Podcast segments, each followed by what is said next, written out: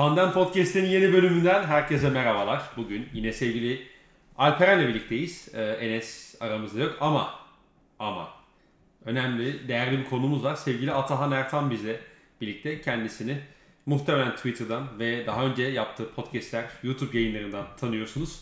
Ee, Atahan hoş geldin. Merhaba abi nasılsınız?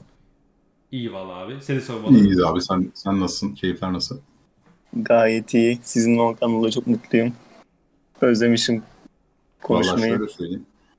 Ee, sonunda yani aylar yıllar sonra gerçek podcast arkadaşımla tekrar buluştum. Kim buluştu acaba? Yani ee, bu, bu büyük buluşma için de Sinan Çetin'e çok teşekkür ediyorum. Abi Film gibi hayatlar. Kocaeli'den Kocaeli'den bir arkadaşın keyfini bekliyorduk her hafta. Atağının sesi bana doping etkisi yarattı. Bir an önce girelim. Beyler ikinizin de keyifleri yerindeyse ben hızlı hızlı girmek istiyorum müsaadenizle e, konu başlığımıza. Abi e, Atan senle direkt başlayalım. E, Beşiktaş 15 dakikada fiş çekti diyebiliriz. Sakatlıklar yaşadı. 3 tane oyuncusunu sakatlıktan dolayı kaybetti e, maçta ki 2 tanesi oynamayacak Borussia Dortmund maçında onu biliyoruz. E, ama öncelikle bir şeyle başlayalım abi. Miralem Pjanic sen bize ne izlettin be abi? Abi tam olarak dediğin gibi yani hatta 10 dakikada hani işi bitirdi Beşiktaş. Hı. Aslında benim tahmin ettiğimden yani daha kolay geçti. Hani maç öncesinde bu kadar kolay bir maç beklemiyordum. Yani niye beklemiyordum? Yani tabii ki hani kağıt üstünde çok kaliteli bir kadro. Hatta yani hücum hattını e, Sergen Yalçın yani tahmin ettiğimizden de belki çok daha hani bütün silahlarını sahaya sürerek kullandı. Hani Larin'in Atiba'nın yokluğunda Pjanic'in ilk 11'e başlaması, Tekşehir'in e, hani son maçtan sonra sakatlık işte milli arada çalışamamasının üstüne yani ilk 11'de olmasını beklemiyorduk. Ama e, Zanti kendisi de söyledi hani baştan kullanmak istedi. istedi. E, Tekşehir'de sonradan oyuna girmesinin iyi olmayacağını söylemiş. E, hani direkt teknik ekibi. Onu, onu tabii konuşuruz. Pek doğru bir karar mı? Hani belki de oyuncu kendini zorlamak istedi ama çok da iyi olmadı gibi. Ama tabii bir Pjanic etkisi. Yani bu kadar şaşalı bir başlangıç bekliyor muyduk? Yani bunu herhalde beklemiyorduk demek biraz yalan olur. Veya oyuncu tanımamış olmak olur yani. Piyanist de mutlaka futbolla ilgilenen herkes e, yakından ve uzaktan izle, takip etmesi hiç önemli değil. E, oyuncunun kalitesini, oyuncunun özelliklerini ve iyi yaptığı şeyleri çok net yakından biliyordur. Ve öyle bir adam ki yani hani ilk dakikadan itibaren, hani ilk dakikadan abartmıyorum çünkü cidden ilk dakikadan itibaren o bütün özelliklerini, bütün o yaptığı o pas oyununu yani hani bir topu aldığında topu almadan 3 saniye, 5 saniye önce topu nereye atacağını görme özelliğini özellikle müthiş gösterdi ve bu yani bu maçta belki çok fazla anlaşılmadı veya yeteri kadar konuşulmadı ama ileride e, daha zor maçlarda diyeyim veya kilidi açmakta zorlanacağı maçlarda diyeyim Beşiktaş'ın çok çok daha değerli hale gelecek. E, yani çok büyük bir değer. Benim belki bilmiyorum ama son yıllarda e, hani yıldız olarak söylemeyeceğim bunu veya şaşalı transfer olarak söylemeyeceğim ama son yıllarda gördüğüm bu fırsat transferi olarak geldi ya işte bu piyaniş çok konuşulu bu şey olayı. Hani benim son yıllarda gördüğüm hani tam olarak şey transfer, fırsat transferi budur diye düşünüyorum. Ee, yani çok büyük bir zevk olacak muhtemelen onu seyretmek. Umarım böyle devam eder diyeyim. Bu şekilde başlayayım konuşmaya. Alperen'e bırakayım sözü. Teşekkür ederim. Bu kilit açıcılık konusu çok önemli. Yani biz kaç podcast'tir söylüyoruz Beşiktaş. Bir topu ayağından alana zorlanıyor. Bir üçlü savunmaya zorlanıyor diye. Üçlü savunmaya niye zorlandığını anlatırken de şeyi konuştuk zaten. Yani herkes geriye yığılmışken o kilidi açacak sihri yapacak tek ayak gezer. Ve o da iki kişiyle üç kişiyle boğuştuğu zaman oyun sağdan değil soldan dönüyor. Gaziantep maçı özetle. Hani çok da detaya girmeye gerek yok. Niye? Çünkü orta sahadan yeterince üreticilik alamıyordu Beşiktaş. Ama şimdi Pjanic var. Yani saçmalık bir asist yaptı Pjanic. Batshuayi'ye. Yani çok ölçülü, çok dengeli bir pas. Pas golü attı aslında yani. Öyle bir pas oldu ki yani. Pas Pas, golü attıktan sonra Beşiktaşlar gol diye sevinmeye başlamıştı muhtemelen. Onun dışında da çok özel, ekstrem bir performans. Yani bir de şu var. Pjanic top, hani şöyle bilinen bir oyuncu ki haklı da işte topla 30 metrelik 40 metrelik driplingleri olmayan işte olağanüstü bir eforla sürekli olarak hani sahanın her yerine basmasıyla falan bilinen bir adam değil. Yani bu profilli bilinir ama şöyle bir şey var. Sahanın her noktasında kilit açıcı rol oynayabiliyor. İlla gol pası değil yani. Seni dar alandan çıkartabiliyor. İlk topu alabiliyor. İlk topu alandan sonraki topu alıp bağlantıyı sağlayabiliyor. Bütün bu problemleri halleden başka oyuncular varsa ön alana gidip cezayı ve çevresinde senin için iş bitirici olabiliyor. Ee, hani işte sağa sola çok fazla indirmezsin belki ama hani indirmeyi tercih edersen Bosna Hersek milli maçında gördük. Orada işte ceza sahasına etkili toplar atabiliyor, beki kullanabiliyor. Yani çok fazla opsiyon açıyor sana. Kıymetli oyuncu. Beşiktaş'ın ayrıyeten kıymetli oyuncu. Bir de şöyle bir şey var. Aslında bu maçta Atağan'ın dediği şeyden ben şöyle bir yola çıkayım. Tam da konfor alanında oynamadı. Neden? Çünkü yani Alex Teixeira çok çok kıymetli oyuncu. Ama şöyle bir şey var. Alex Teixeira sahadayken onun oluşturduğu defansif boşluğu sırtlamanız lazım. Hı hı. Hani Joseph Vatiba ile aynı anda oynamak gibi olmuyor. Pjanic o işte de fena değildi. Gerçi bunda Malatya'nın da etkisi vardı. Hani Malatya'da çok ayağa çıkma e, olan bir takım değil. Hani gelecek maçlarda onu konuşabiliriz ama evet yani genel temaya yüzde yüz katılıyorum. Farkı oluşturan birinci unsur Pjanic ve bunu da müthiş şekilde yaptı. Abi yani e, Pjanic alakalı sadece şunu hani Atağan'a söyle zaten de abi pozisyonun başında sahanın fotoğrafını öyle bir çekiyor ki ve devamında ne olacağını biliyor. Yani o Batshuayi'ye yaptığı asist mesela ben oturup yani maç izlerken bile anlama şey hiç beklemiyordum mesela öyle bir şey. O açıdan öyle bir pas atacak. Go- tabii tabii yani tekrar şey Rozier'e atar yani. falan diye beklersin. Tabii tabii tabii. Aynen. Batshuayi, top Batshuayi geldi ne oluyor lan dedim böyle kendi kendime. ee, bir anda Beşiktaş öne geçti. Yani. Batshuayi'nin çok özür dilerim Batshuayi'nin bunu beklemesi de saçma değil mi abi yani buna şaklı hareket. Yani böyle bir pasa da, hemen uyum sağlaması. Abi o da o da sanki bir yarım tık yarım saniye bekledi gibi yani o da sanki bir afalladı gibi pasa ama. ya mutlaka öyle de gene Jorginho'dan Kovacic'ten falan alışmış herhalde. Olabilir. Abi orada benim hoşuma giden şu oldu. Bir araya gireceğim o Batshuayi konusunda. Yani şöyle bir şey var şimdi Pjanic yani veya bu tarz oyuncularda hep şu denir ya. Hani etrafındakiler hani anlaması gerekiyor ve ayak uydurması gerekiyor. Yani bu tarz oyuncularda işte hı hı. zamanında bunu tabii çok alakasız yani çok alt seviye ama Oğuzhan için söylenirdi yani Oğuzhan'ı anlayamıyor oyuncular diye söylerdik hep. Abi benim orada hoşuma giden Batshuayi gol attığında dakika 7 veya 5 yani ilk 10 dakikaydı yani. Hani Batshuayi'nin bu pasa bu kadar çabuk uyanması hani orada böyle bir yani çünkü herkes diyor yani orada Rozier bile bence pası kendine bekliyordu yani. Çünkü koşuyu attı Rozier aslında. Hı hı. Ama Tabii. orada Batshuayi'nin buna bu kadar kısa sürede uyanması ve bunu anlaması bence yani oyuncunun zaten ne kadar kaliteli bir oyuncu gösteriyor. Hani ve bence bu çok olumlu bir işaret. Çünkü Pjanic gibi bir oyuncun varsa etrafındaki oyuncunun da onu çok hızlı şekilde ayak durması gerekiyor. Yoksa bu pasların bir anlamı yok yani. Tabii tabii. Bir de şu var yani Pjanic transferi Batshuayi daha anlamlı kıldı bence. Çünkü Batshuayi geldiğinde kalitesi ortada. Hani oldukça eforlu atlet oyuncu arıyor falan hepsini tamam ama hani şey soru işareti de olabilir ya Beşiktaş acaba biraz daha hani bağlantıyı sağlayan yani takımı öne çeken bir oyuncu mu ama şimdi Pjanic zaten hani topu öne taşıyabilme yeteneğini çok arttırıyor. Bir de Şahin'in sürekli sürekli sürekli attığı koşuları anlamlı kılıyor. Yani o açıdan birbirleriyle de uyum sağlayacaklardır muhtemelen. Ki bu uyumun da ilerleyen haftalarda hani birbirlerine daha da alışmalarıyla birlikte artacağını öngörmek herhalde çok zor olmasa gerek. Ee, sizden çok kısa bir de şey alayım. Ee, Beşiktaş kısmı öyle kapatalım. Ee, Dortmund maçında nasıl bir oyun bekliyorsunuz? Şimdi Vida yok. Ee, Teixeira da yok ki Teixeira olsaydı bile muhtemelen hani en azından bu benim düşüncem. Ee, Cumartesi günkü maçta oynamasından da bunu çıkartabiliriz. Ee, hocanın zaten ana planında Teixeira ile başlamak yoktu. Bence en azından. Ee, Kesin. Nasıl bir ana plan bekliyorsunuz? Vida da yok.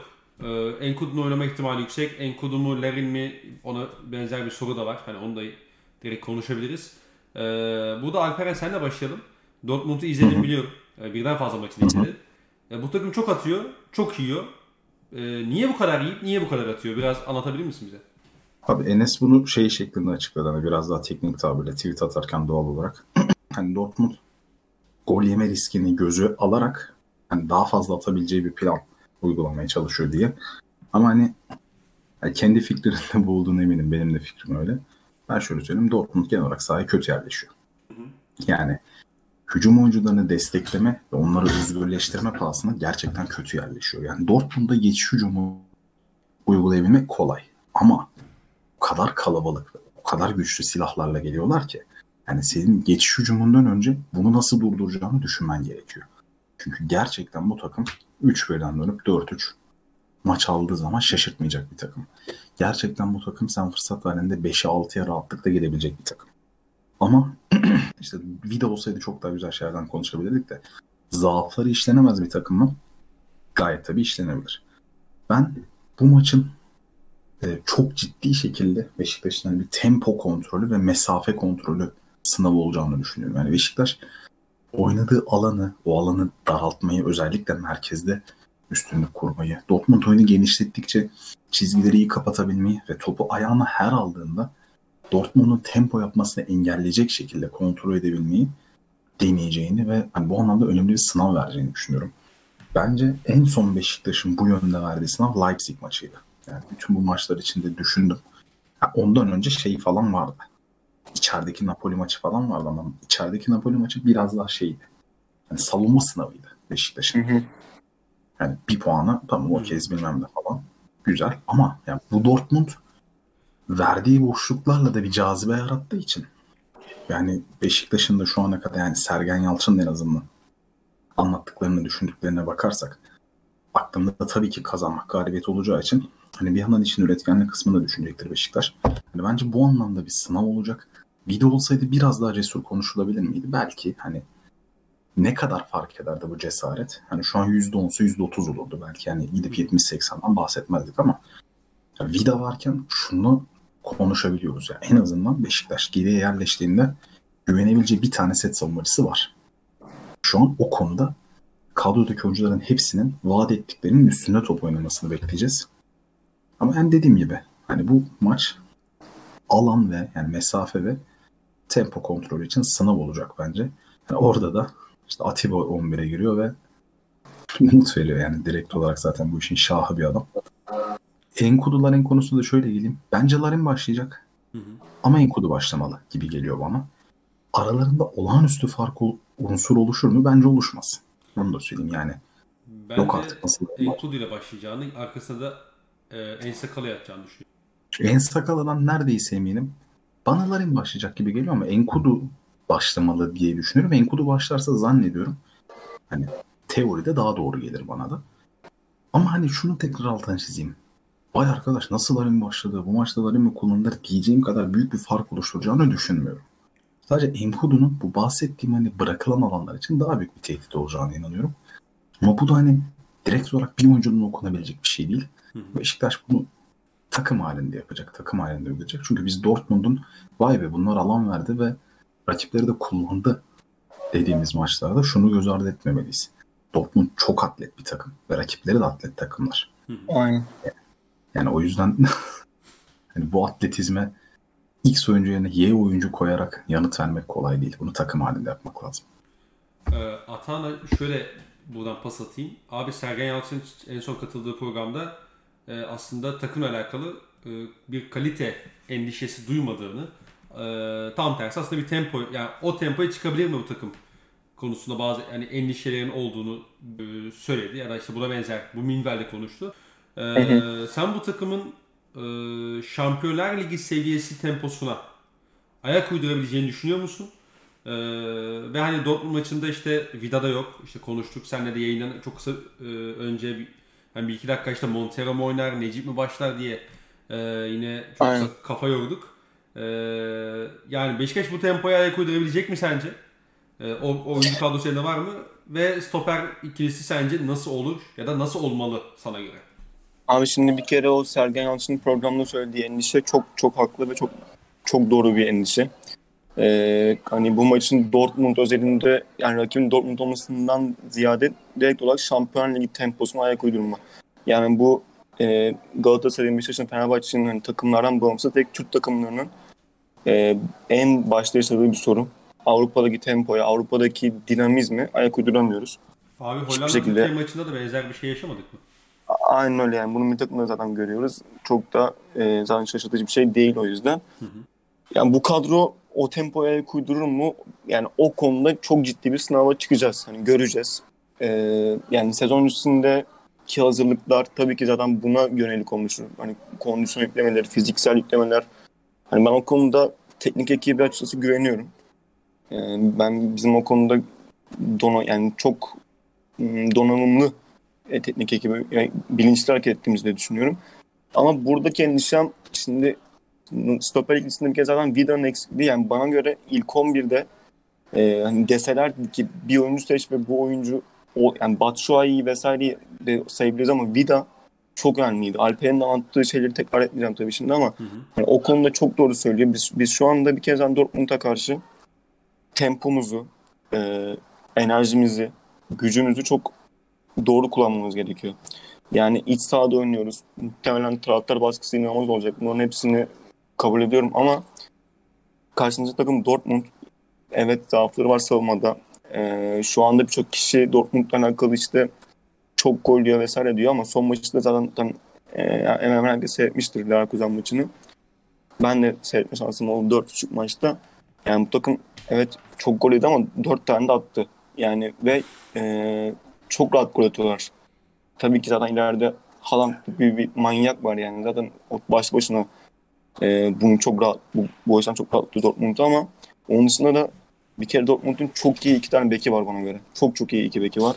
Yani Guerreiro ile Mönye e, ciddi anlamda çok iyiler. Ve benim son maçta dikkatimi çeken şu oldu. Yani atakların çok büyük bir kısmını Mönye üzerinden sağ kanattan getiriyorlar. Mönye'nin de önünde yanlış hatırlamıyorsam Bellingham oynuyor. Ve şimdi bizim sol sol kanatta yani hani e, önlü arkalı işte Ensakala Larin mi, işte Rıdvan mı, en, işte Enkudu mu? Hani oradaki tercihini çok doğru yapmamız gerekiyor. Çünkü ciddi anlamda sağ taraftan bir sınav vereceğiz yani. Çünkü Mönye ile Bellingham orayı bayağı bir zorlayacaklar. Ee, hani orada açıkçası benim tercihim yani Ensakala Rıdvan yani çok da bir fark etmez bana göre ama bence Larin bu savunma desteği açısından olmazsa olmaz gibime geliyor benim. Ee, hani Enkudu ile koyabilirim ama hani benim tercihim Larin olur. Stoper ikilisinde de e, yani derinde bekleyeceğimizi düşündüğümüz için hani bunu söyleyeceğim. E, yani Montero'yu bir tık daha önde görüyorum. Çünkü yani onun o çıkarken ki ne, yani o temiz ayağına ihtiyacınız olabilir. Yani Necip'in Wellington tarzında hani stopere yapışarak ilk müdahale yapma özelliği çok iyi. E, çok işimize yarayabilir ama hani biraz daha derinde bekleyeceğimiz için e, ve hani onların üstü, üzerimize gel, gelmesini bekleyeceğimiz için ve set savunması yapacağımızı düşünerek hani set savunmasında bana göre Montero da eksik ama e, hani Montero'yu bir tık önde görüyorum. Ben hani savunma hattının en sakala Montero, Wellington, Rozier şeklinde olacağını düşünüyorum. Sol kanatta benim tercihim yani Larin olur gibime geliyor. Ya aslında senin orada söylediğin şey çok kritik. Hani Beşiktaş'ın e, ne oynamak isteyeceğini de herhalde stoper ikilisinden, tercihinden de anlayacağız gibi duruyor. E, en azından hani Necip oynarsa başka bir şey e, hedefleyecektir Beşiktaş. Montero oynadığı zaman başka bir şey hedefleyecektir. E, yani seninle konuşurken yayından önce hani Montero olabilir mi acaba diye düşünüyordum. Ama sanki Sergen Yalçın e, bana e, önde basma topu en azından ilk 15-20 dakika isteme düşüncesinde olacağını e, düşüncesindeyim açıkçası kendi adıma. Öyle olduğu için de sen Necip'le başlama ihtimali hani benim kafada bir tık daha net e, belirliyor. E, özellikle Dortmund'un hani savunma şeylerini siz anlattınız zaten. Sağ içi yerleşim olsun, işte savunmadaki e, hatalarından olsun. Yeterince bahsettiniz. O yüzden hani bana Sergen Yalçın e, Alperen'in de işte referans olarak verdiği Leipzig maçında olduğu gibi Şenol Güneşli e, Beşiktaş'ın e, Leipzig maçı bir 15 ilk 15-20 dakika oyunu e, ele almaya çalışan, tempoyu e, kendi istediği seviyede oynamaya çalışan bir düzenle başlama niyet olacakmış gibi geliyor. Öyle olunca da ben e, Necip'i bir tık önde görüyorum Montero'dan. E, Alperen senin de ye, maçla alakalı ekleyeceğin bir şey varsa onu alayım abi. Ondan sonra e, Fenerbahçe Sivasspor'a geçelim. Abi Mönye detayı çok kıymetliydi bence. Yüzde yüz katılıyorum. Mönye Belçika milli takımda zaten. İşte merkeze yanaşıp derin top atayım, işte topla birlikte takımı çıkartayım. Yani kafa yukarıda ikinci bir oyun kurucu gibi sağdan destekleyen bu işleri çok fazla yapıyordu. Koridorda bırakıyorlar zaten.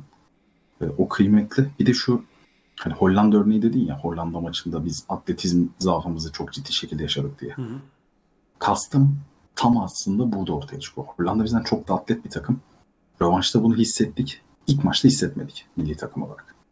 İşte Beşiktaş'ın verdiği sınavın ilk maçtaki bir sınav olacağını düşünüyorum ben. Çünkü ilk maçta Türkiye yaldır yuldur ataklarla işte müthiş bir hücum performansı falan atmadı o golleri. Mesafeyi kontrol etti. Tempoyu belli oranda iyi kontrol etti. Bulduğu şansları da değerlendirdi. Hı hı. Bu Beşiktaş'ın işte o Türkiye kadar geride belki uzun süre beklemesi mümkün olmayabilir. Çünkü o gün Santrfors'uz bir Hollanda vardı. Bugün Haaland var. En iyisi var yani. İşte o gün milli takımın stoper rotasyonu geride beklemek için belki şu an Beşiktaş'ın elindeki stoperlerden daha uygun falan. Ama hani mantık olarak anlatmaya çalıştığım şey oydu. Hı. Genel şablon itibariyle yani detaya girmeden. Ee, onun dışında dediklerinize katılıyorum. Şeye sadece hani sol bekte ben En Sakalı'yı neredeyse kesin gözüyle bakıyorum. Onu söyleyeyim.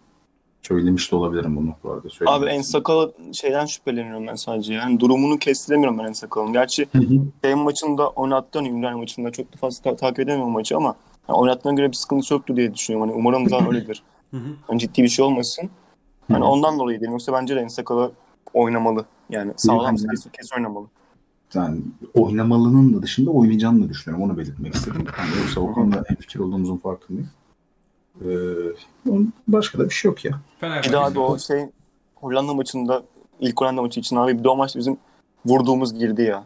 Yani öyle Hadi, bir şansımız da vardı yani. Hani inşallah tam olarak öyle bir şey olur da bizim de vurduğumuz girer yani. Hani az olsun, öz olsun yani. Herhalde Şöyle söyleyeyim. Ülke olarak vurduğun gol olsun diye.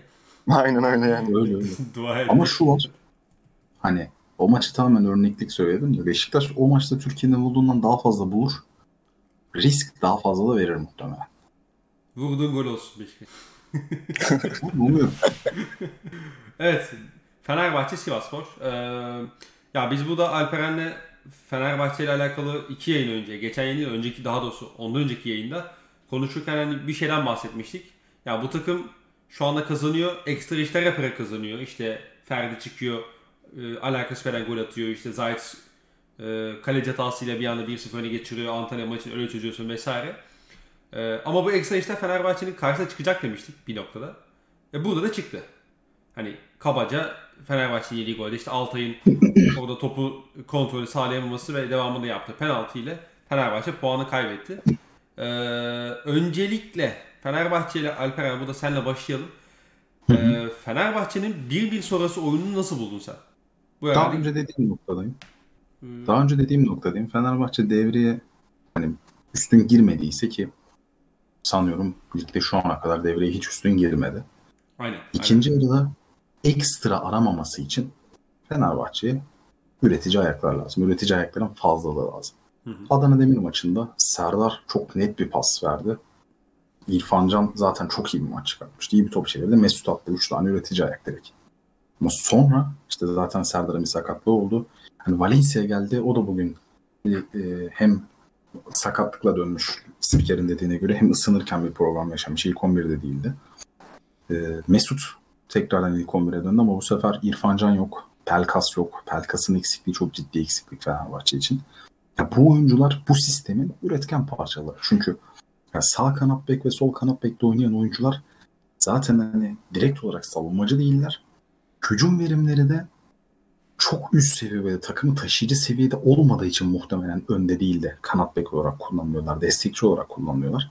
O yüzden öndeki üçlünün hani sürekli bu üretkenliği sağlaması gerek. Hı hı. Yani dediğim gibi Pelkas ve İrfan Can sağlıklı olana kadar Fenerbahçe bence bu problemi yaşayacak. Ya da şöyle olacak. Şimdi ben Rossi'yi hayatımda ilk defa izledim. Futbolcuna dair hiçbir fikrim yok. Birkaç hafta sonra edinirim o fikri de. Hani bugün bir maçla oluşacak bir intiba değil. Beriş hakkında çok çok az vardı. Sadece şunu düşünüyorum. Hani bana şey gibi geliyor.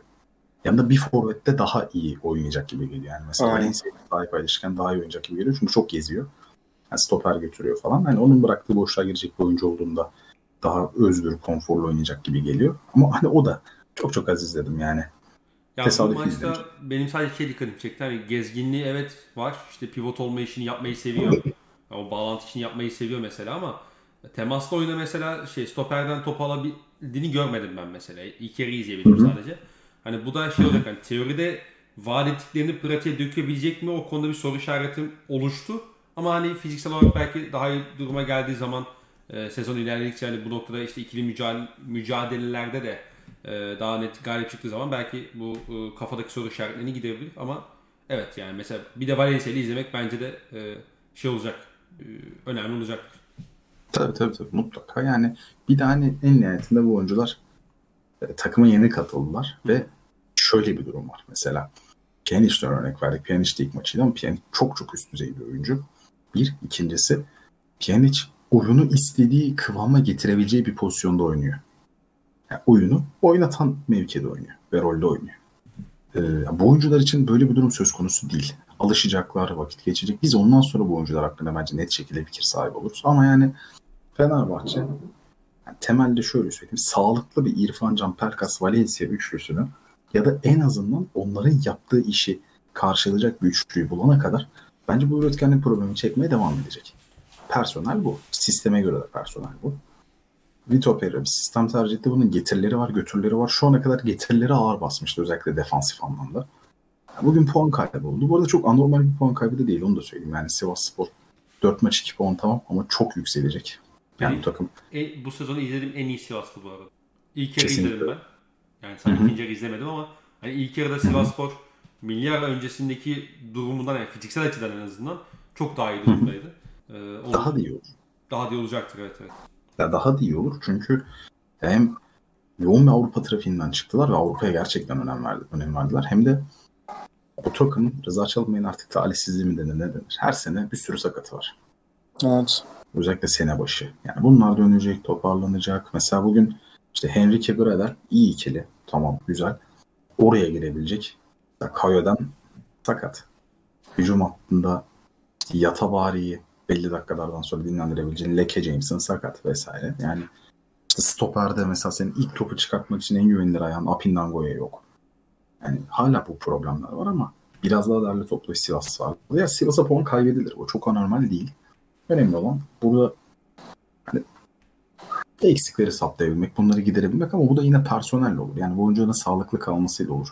Pelkas'ın dönüşü bence çok önemli. İrfan Can tekrar sakatlandı. Onun durumu da önemli. Ee, hani orada oynayabilecek Mesut var. İşte Muhammed'i kullanıyor hoca. Rossi'yi dediğim gibi göreceğiz. Ama hani hem eforu hem üretkenliği birleştiren oyuncu olmasından ötürü ben tekrar ve tekrar Pelkas'ın altını çizeceğim. Yani şu anda Fenerbahçe'nin bence dört gözle beklediği oyuncu o.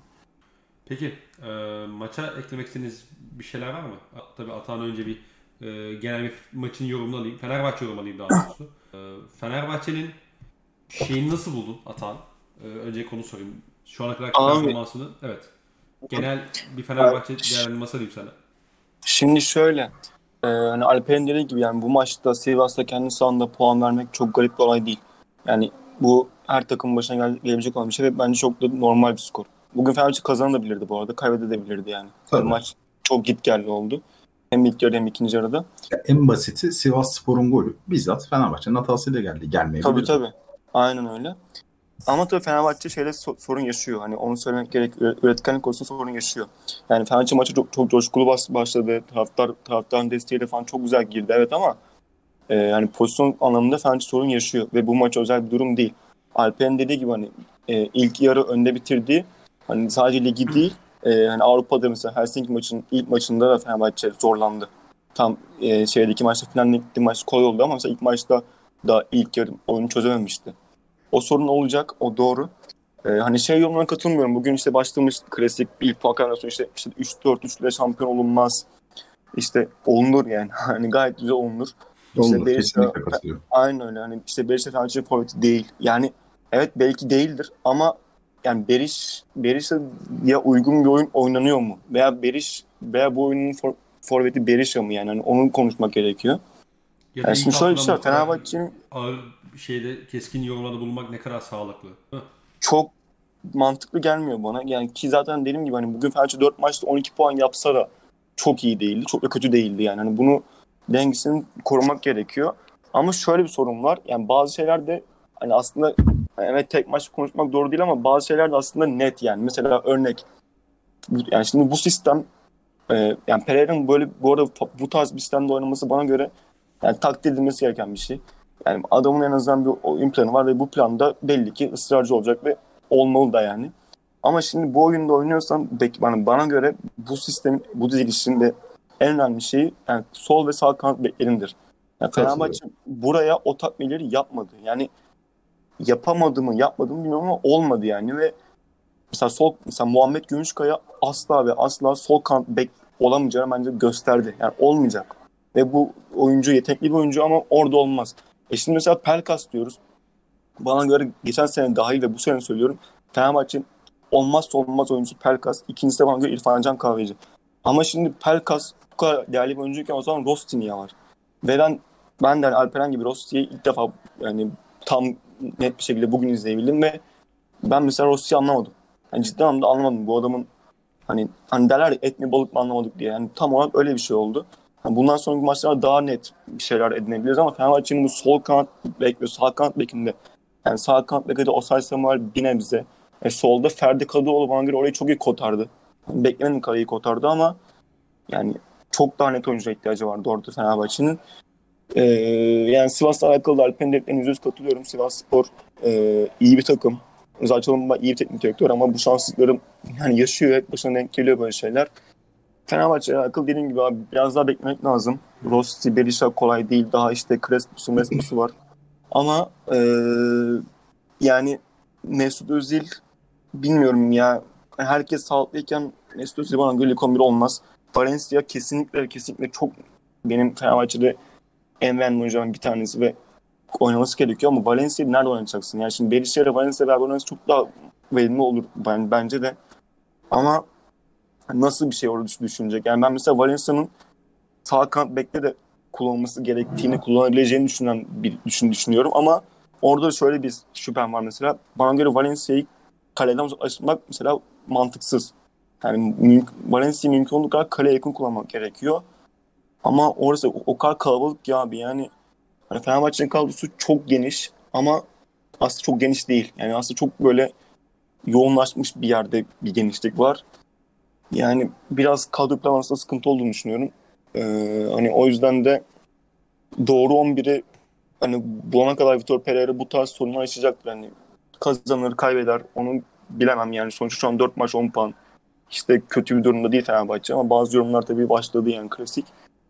Ee, beklemek gerekiyor bence biraz. Abi Fenerbahçe'nin kadrosunun geniş olup olmadığını e, şöyle anlayacağız bence sezon ilerledikçe. Biraz e, Kawhi sonrası şey Toronto takımının Nick Nurse e, şey yapıyor Vitor Pereira. Hani kadroyu zorlayarak genişletiyor. İşte bir taraftan işte Arda'yı oynatıyor, Muhammed'i oynatıyor falan. E, Nick Nurse'un da böyle çok alakasız isimlerle hani kadroya dahil etmişliği vardı işte Terence Davis. E, hani kadro geniş denilebilir ama bunu muhtemelen hani olacaksa da Vitor Pereira'nın e, işte ekstra genişletmesiyle olacak gibi duruyor. Yoksa ben de Fenerbahçe çok hani e, alternatifli çok geniş bir kadrosu olduğunu düşünmüyorum. Hani belli bölgelerde var evet kabul. Ama totale bakınca işte bugün e, Tisserand çıkınca sen bir anda eyvah Serdar'ı oynatıyoruz. İşte yok şöyle penaltı yapabilir, yok şöyle işte sakatlık yapabilir diye endişe duymaya başlıyorsun basitinden stoper rotasyonu. E, sol bekte işte sol kanat bekte e, Muhammed'i denedi. Muhammed on, işte oranın oyuncusu değil diyorsun bir anda işte. Hani Ferdi'nin orada alternatifi yok diyorsun ki kaldı ki Ferdi oranın ideal oyuncusu mu o da ayrı bir tartışma konusu en azından. Ee, o yüzden şey konusunda rotasyon konusunda katılıyorum. Yani bir de son olarak hani şey ekleyebilirim. İlk yarıda benim şey dikkatimi çekti. Sivas çok çabuk hani e, kaleye inmeye çalıştı hep. Yani topu kaptı her anda sürekli Fenerbahçe kalesine inmeye çalıştılar ki bu bazen onların aslında çıkarken yaptığı top kayıplarında ekstradan savunmada eksik yakalanmalarını ee, bir de özellikle hani Rıza Hoca'nın tabii kanat organizasyonlarını sever, sever özellikle hücum, işin hücum sahasında. Yani burada şöyle bir detay dikkatimi çekti. Ee, özellikle hani sürekli arka tarafa, arka direğe doğru çalıştılar. İşte hatta bu e, Gradel'in işte kafası alta gitmişti ilk yarıda. Net bir pozisyon var arka direkte. Hani onları sürekli kovalıyorlar işte. Yatabare bir de offside'den gol attı mesela. Hani hep arka direğe iki, iki oyuncuyu da dizmeye çalıştılar ve oradan aslında biraz ekmek yediklerini gördük. Ee, hani bir offside'dan gol olmasına rağmen işte bir tane de e, Graden'in pozisyonu var benim e, izlediğim bölümde. Hani böyle bakınca sanki şey e, Rıza Hoca da Fenerbahçe karşı nasıl hücum edilerin e, edilebilirin en azından e, ufak tüyolarını bize vermiş gibi duruyor. Yüzde yüz katılıyorum abi. Peki maça eklemek istediğiniz bir şey yoksa ben geçiyorum e, Trabzonspor Galatasaray. Ya Muhammed konusunda çok kısa bir şey söyleyeceğim. Tabii ki. Bence ekstra eforla oynadı çocuk. Yani Hı hı. gerçekten hani o mevkinin ihtiyaç duyduğunun dahi üzerinde bir eforla oynadı. Ama şey çok belli. Yani o right olmadığı çok belli. Bu da normal. Hani oyuncu üzerinden okunacak bir şey değil aslında. Ama bilmiyorum size sanıyorum Vitor Pereira'da bir deneme yaptı. Hı hı. Olur mu burada da rotasyonu genişletebilir miyiz? Muhammed'le birlikte kazanabilir miyiz onu burada gibisinden.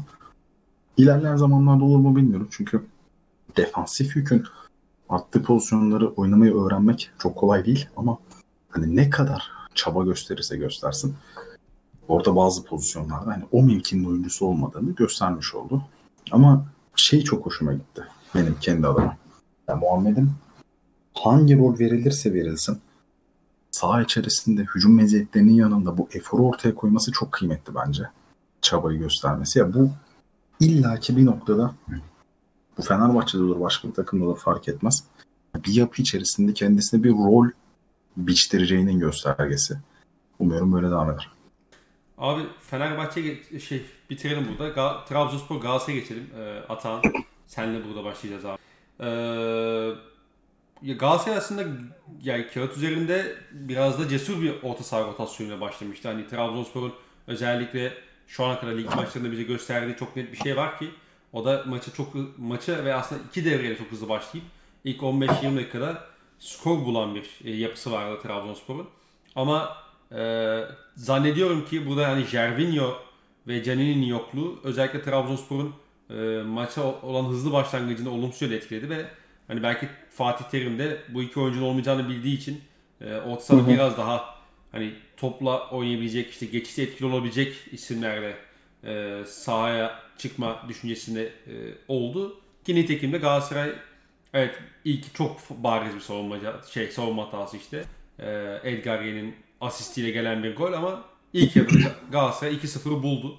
E, ve aslında hani Trabzonspor çok kaotik bir şekilde devre arasında giriyor gibiydi. O, o arada gelen gol bir anda her şeyi değiştirdi. Ee, sen nasıl bir maç izledin? Ee, senle böyle geniş bir özet alarak başlayalım maça. Abi dediğin gibi yani aslında bu maçtaki en önemli şey Trabzonspor eğer tam kadro olabilseydi özellikle Jeremy Hoca'nın olabilseydi bana göre Galatasaray'ın e, maçında çok büyük bir favoriydi yani. Ama e, Fatih Terim'in de burada ya şimdi Trabzonspor'un karşısında bu orta çık- çıkılabilir. E, hani Berat Hamşik Bakasiras orta sahasına karşılık hani evet, belki Berkan çıkaldı o işte Emre Morut'tan hani ikisinin de biraz dönüşümlü oldu ama kullanmak cesur bir hamle. Ama bugün Galatasaray'ın da biraz e, şey anlamında yani nasıl söyleyeyim yani alternatif anlamda çok eli aslında bol değildi. Yani mesela ben Taylan'la alakalı bilmiyorum e, niye 82'de girdi galiba 80'de mi 82'de mi öne girdi. Evet. Ne sakatlığı mı vardı? Çünkü milli ta- takımda oynadı diye hatırlıyorum. E, hani orada Taylan'ın kesik yemesi, Berkan kaldı o düşünmesi biraz bana değişik geldi. Ama abi yani şimdi ilk yarıda Galatasaray'ın 2-0 bulduktan sonra tabii o 2-1 gelmesi yani o, o, o zaten işte bütün sıkıntı o. Galatasaray bunu geçen hafta da yaşadı. Yani Galatasaray 2-0 öne geçip yine 2-2 verdi maçı. Yine Kasımpaşa'ya karşı oldu. Ya devreye 2-0 gi- girmek, iki, o, iki, o golü yemek işte bütün her şeyi planı bozuyor. Ama orada da şöyle bir sıkıntı var. Devre arasında yani Babel ve Aytaç Kara değişikliği oldu. Yani Emre Kılıçdaroğlu'nun çıkması gerekiyor. Sakat- Sakatlık geçirdiği için onu öğrendik ama hani orada Aytaç Kara'yı Fatih Terim'in dediğini, dediği yani şöyle e, işte sağdan e, pardon Vakayeme'nin çok çok rahat geldiğini geldiği için Aytaç'ın ona yardım edeceğini düşünerek tercih ettiğini söyledi ama Aytaç Kara'nın böyle bir maçta söyledi Vakayemin ilk yarıda. Yetli'ye Aynen. karşı. Ee, o yüzden Ay- Aytaç'ı oraya atmak gereğini duyduğunu söyledi. Bir de Morusan'ın e, topsuz aksiyonlarına rahatsızmış yani. Onu gördük. Bekle, yani topla Evet. evet. etkili oldu ama topsuz aksiyonlarda o gereken yardımı gösteremedi diye ekledi Fatih Hoca maçtan sonra. Evet yani zaten orada tabii Yedlin'in de oynaması hani Sacha Boy bana göre Galatasaray'ın şu anda e, çok en iyi tasarlanan bir tanesi ve çok beğeniyorum. Yani Galatasaray çok daha ondan faydalanacak. Tabii onun sakatlanması yaklaşık 3 hafta bir ay olmaması Galatasaray için büyük eksiklik. Çünkü Yedlin hiçbir şekilde muadil değil onun. Hiçbir şekilde orayı hani Sacha Boy'un alternatif olacak bir oyuncu değil ama ya mecburen onu kul- kullandı ama orada sıkıntı yaşadı. Ve benim aslında Hatta yani Vakayeme'nin yani orada çok daha rahat, çok daha fazla iş yapabileceğini düşünüyorum ben. Çünkü Yedlin'in karşısında büyük bir üstün sağlayacağını düşünüyordum. Ama tabii Trabzonspor adına da bazı sıkıntılar da var yani. Bu Abdülkadir Ömür'ün özellikle durumu. Ee, yani yaşadığı yaşadığı bir olay var biliyorsunuz yani işte bu taraftarın sahaya, gir, sahaya girmesi işte sonra ilk yarının sonuna doğru oyundan aldı Abdullah Avcı onu. Abdülkadir Ömür'ün de böyle düşüş yaşaması da yani bu kadar yani dibin dibini gör, artık görmeye başladı. Bu hale gelmesi de tabii ayrı bir konu. Trabzonspor'la alakalı da e, yani Trabzonspor'un ben iyi yolda olduğunu düşünüyorum. Kadrosunu da ben beğeniyorum. E, çok beğeniyorum hatta. Ama tabii Jardim Hoca'nın iki önemli eksik. Hatta bazı oyuncuların da işte Cornelius da biraz sakat yaşamıştı vesaire. Tabii Trabzonspor'un da orada bir sıkıntısı yani her takım yaşadığı sıkıntı bu Türk kurumdan, yabancı sınırdan dolayı işte bu sol bek İsmail zorunda kalıyorlar.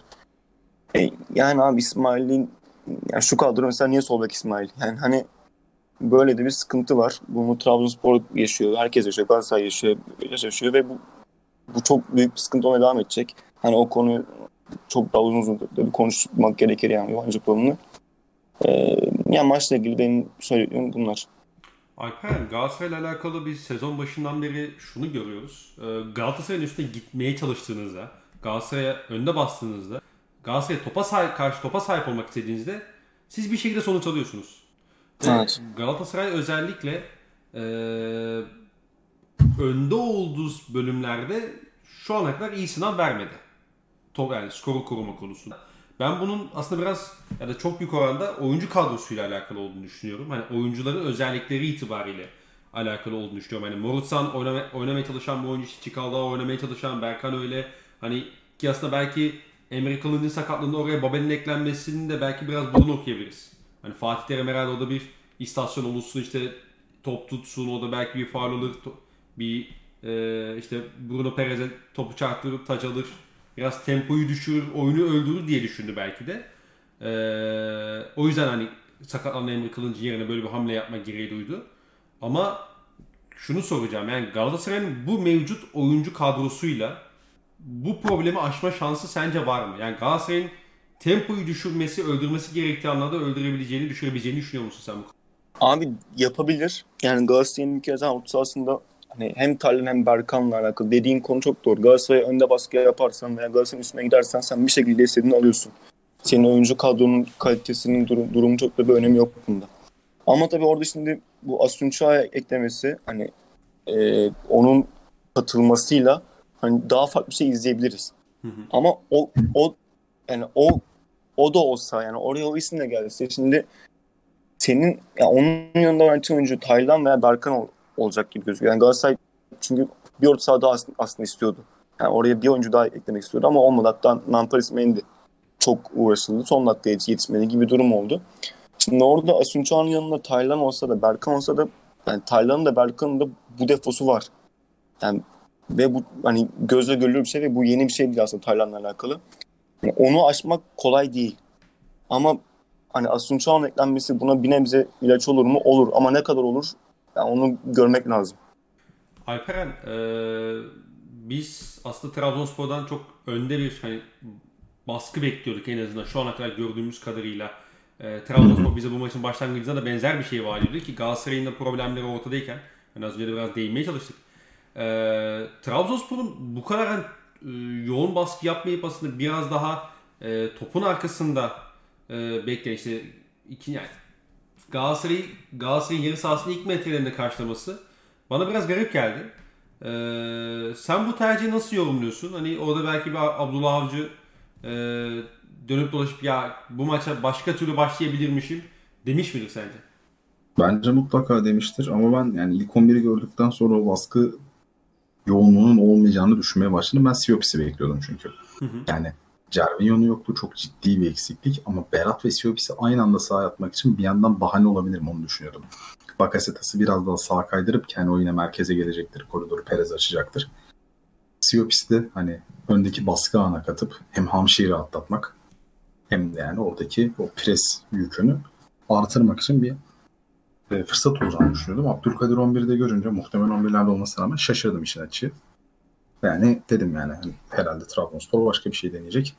bundan aslında 25 gibi falan vazgeçti, vazgeçti hoca. Yani ikinci golü yemeden önce vazgeçti. Tekrardan o presi yapmaya başladı ama üstünde ikinci golü de.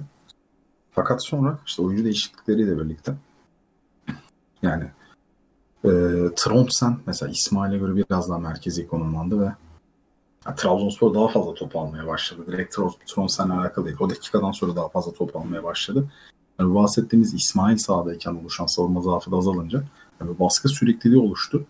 Ve üstüne gol geldi. Muhtemelen Abdullah Avcı da demiştir yani acaba maça böyle başlayabilir miyim diye. İşte şöyle bir şey var. Galatasaray set savunması çok üst düzey olmadığı için yani 2-0'dan maç vermeleri ya da yanlışım yoksa şu ana kadar ki bütün resmi maçlarda gol yemeleri vesaire. Hani maç 2-0 yememişler. Hangisinde abi? Giresun. Ha pardon çok özür dilerim. Bir tek Giresun doğru. Ee, yani onun dışında değil mi Avrupa falan dahil yediler hep. Tabii tabii tabii yani şu an düşünüyorum maçı da her maçta yemiş olmaları lazım. Buyur abi.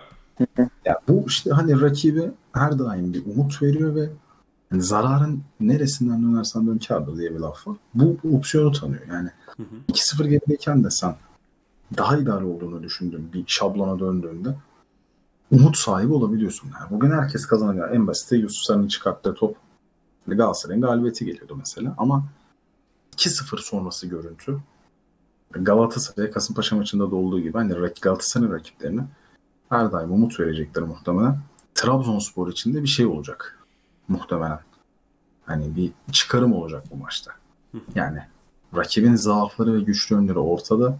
Ama hani biraz daha mı farklı oynasam düşüncesi yerine yarın hayır kesin olarak biz böyle bir şey çalıştık, böyle bir şey saptadık ve buna göre hareket etmenize dönüş, dönüşebilir. Bir de şunu eklemek istiyorum. Aslında hani maçla ilgili söyleme, söylenmesi gereken şeylerin çoğunu siz söylediniz. Ben sadece şunu vurgu yapmak istiyorum. İki takım da güçlü yönlerini ve zaaflarını tümüyle sahaya yansıttı. Sadece hani Trabzonspor oyunun büyük bölümünde yeterli pres çıkartmadığı için Galatasaray'ın topla çıkışlarındaki sorunlar belki hani Kasımpaşa maçındaki kadar ortaya çıkmadı. Ama şu var. 2-0 öndeki bir takımın skor avantajını almış bir takımın defans hattını yani sen istediğin kadar ister kurgu atan olsun, ister şablon, ister yerleşim atan yani her şeyden bahsedebiliriz. Yani o defans hattının Trabzonspor'un yediği ilk goldeki açıklığı sağlamaması gerek. Çünkü olduğu gibi topun arkasındasın. Ciddi manada topun arkasındasın. Şey, Cornelius Demol- golü diyorsun değil mi? Yani demoralize olmuş bir rakibe karşısın ve rakip yeterince tempo yapamıyor o dakikaya kadar. Yani bir ikili bağlantı üstüne derin topla bu kadar eksilmek hani gerçekten beklen, beklenti ötesi bir şey yani. Çünkü geçişte falan yenmedi o gol ve 2'ye 1 kaldı orada stoper. Yani Bakasetas çevirdiğinde stoper 2'ye 1 doğru.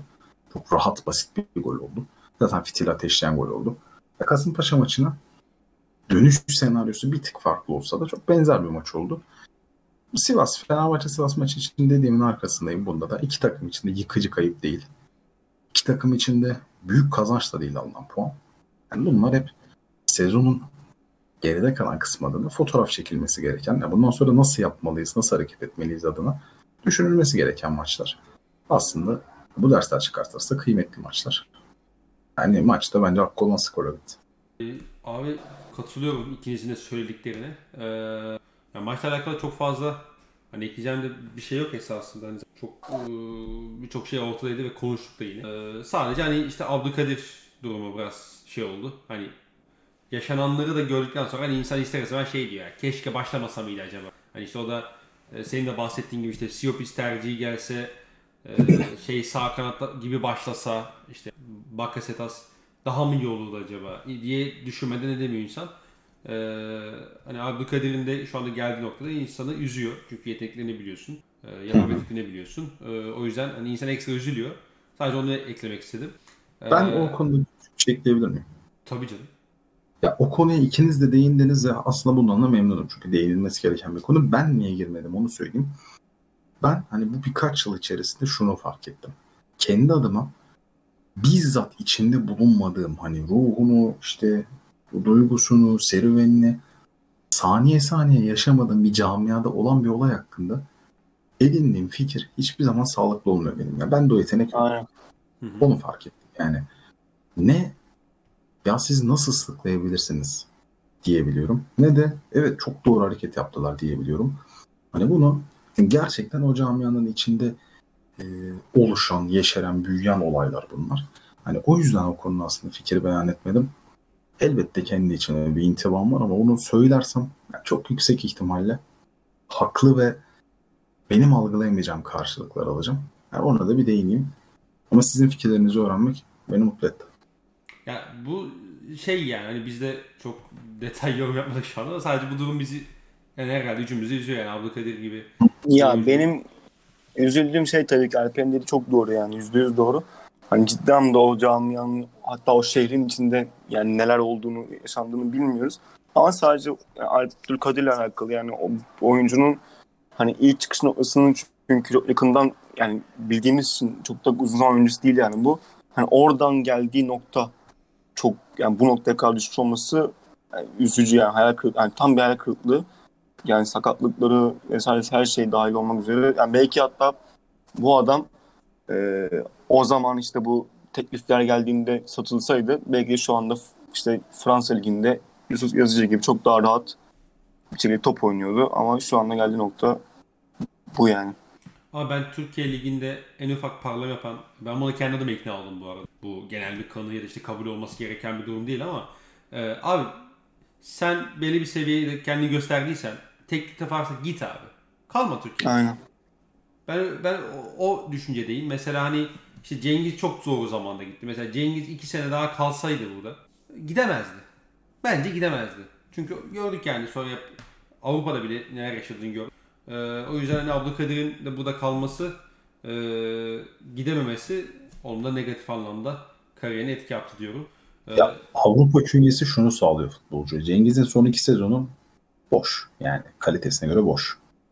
tabii. Leicester'da sakatlık problemiyle yüzleşti. Roma'da da keza öyle. Yani Cengiz'in vaat ettiği kaliteye göre performans karşılığı yok. Ama işte Roma ve Leicester künyesi sana bir de Marsilya transferi yaptırabiliyor. Aynen. Aynen. Ve Marsilya'da şahane başladı. Çok iyi. Muazzam Aynen. başladı. Yani her maç golü var herhalde değil mi? Şu anda maç başı bir gol ortalaması olabilir yani. Çok formda aynı. Aha, çok gol. şey diyor, şey diyor Cengiz. Gol ortalamam düşük. yani Haaland umarım haklı çıkar. Çarşamba. Gerçekten düşük. Bu arada maç başı bir gol ortalaması yokmuş ama. 3 maçta 2 gol mü Yarım galiba da neyse çok önemli değil o kadar canım yani. Ya şöyle şimdiden geçen sezon attığı golü geçmiş, önceki sezon attığı golü yakalamış Cengiz. Hani basit bir mantıkla ilerliyorum. Kariyer Daha kariyer sezonunu geç. yani bakacağız artık. Yani daha daha 24 yaşındasın. Ama işte hani bu daha 24 yaşında halin Türkiye'den hiç çıkmasaydın hani şey olacaktı muhtemelen. Sen Türkiye'de kalsaydın hani Başakşehir'e devam eder miydin bilmiyorum. Hani İstanbul'da başka bir kulübe giderdin. Ya orada hani geri plana düşerdin rotasyonda ya daha alt seviyeye düşerdin. Orada tekrar kendini ispatlamaya çalışırdın. Yani şeye uğraşırdın. 28-29'una geldiğinde tekrardan bir patlama yapmış olmak ve tekrar o seviyeye ulaşmaya çalışmak için uğraşırdın. Ama şimdi Marsilya'da oynuyorsun. Yani bunlar çok önemli kulüpler, çok önemli ligler. Bir de ben Fransa Ligi'nin Türk oyuncular için Türkiye'de başarılı olmuş, Türkiye'de rüştünü ispatlamış oyuncular için çok uygun bir lig olduğunu düşünüyorum. Tam tersi şekilde Fransa'dan Türkiye'ye gelen oyuncular üzerinde de böyle bir düşüncem var. Doğrulayacak da çok fazla örnek olduğunu düşünüyorum. Hani o açıdan da kıymetli. Cengiz bence bu sene sağlıklı kalabilirse ki bu çok kritik bir nokta. Hı. Cengiz'in yakın dönemde yaşadığı sakatlıklardan dolayı. Mesela bu erken Avrupa'ya gidişinin yani cesur hamlelerinin diyeyim. Yani belki Premier Lig'e gitmek için hazır olup olmadığının kendisi de farkında değildi bilemeyiz. Ama hani böyle e, bir CV eklemesinin kariyerinde hani onu hep belli bir seviyede tutma ihtimali oluşturduğunu düşünüyorum. İkinize de katılıyorum. Kıymetli yani. Bir de gelişim orada başlar. Yani çok daha yakın dönemde bir söz çıktı. Sergen Yalçın dedi ki işte Can Bozdoğan Avrupa'dan geldi. Fiziğini görüyorsunuz. Yani çok taze örnek yani. Orada belli ki bir şeyler farklı. Orada belli ki futbol farklı. Gidin yani. Ama ben genç yaşta yani genç yaş değil daha doğrusu hiç önemli değil yaşı. Yani Türkiye'de biraz parlama yapıp Avrupa'da e, gittiği kulübün yani seviyesine veya işte maaşına vesairesine bakmadan giden her her oyuncuya, her Türk oyuncuya ben büyük saygı duyuyorum. Yani Tabii. Yusuf Yazıcı, Cengiz, işte Ozan Kabak. Yani işte Çağlar Söyüncü hepsini sayabiliriz. Yani abi, yani sonra işte Abdülkadir Ömür durum sendromu oluyor. Çok üzücü. Yani mesela hatta direkt aynı şeyi umarım şey mesela yaşamaz.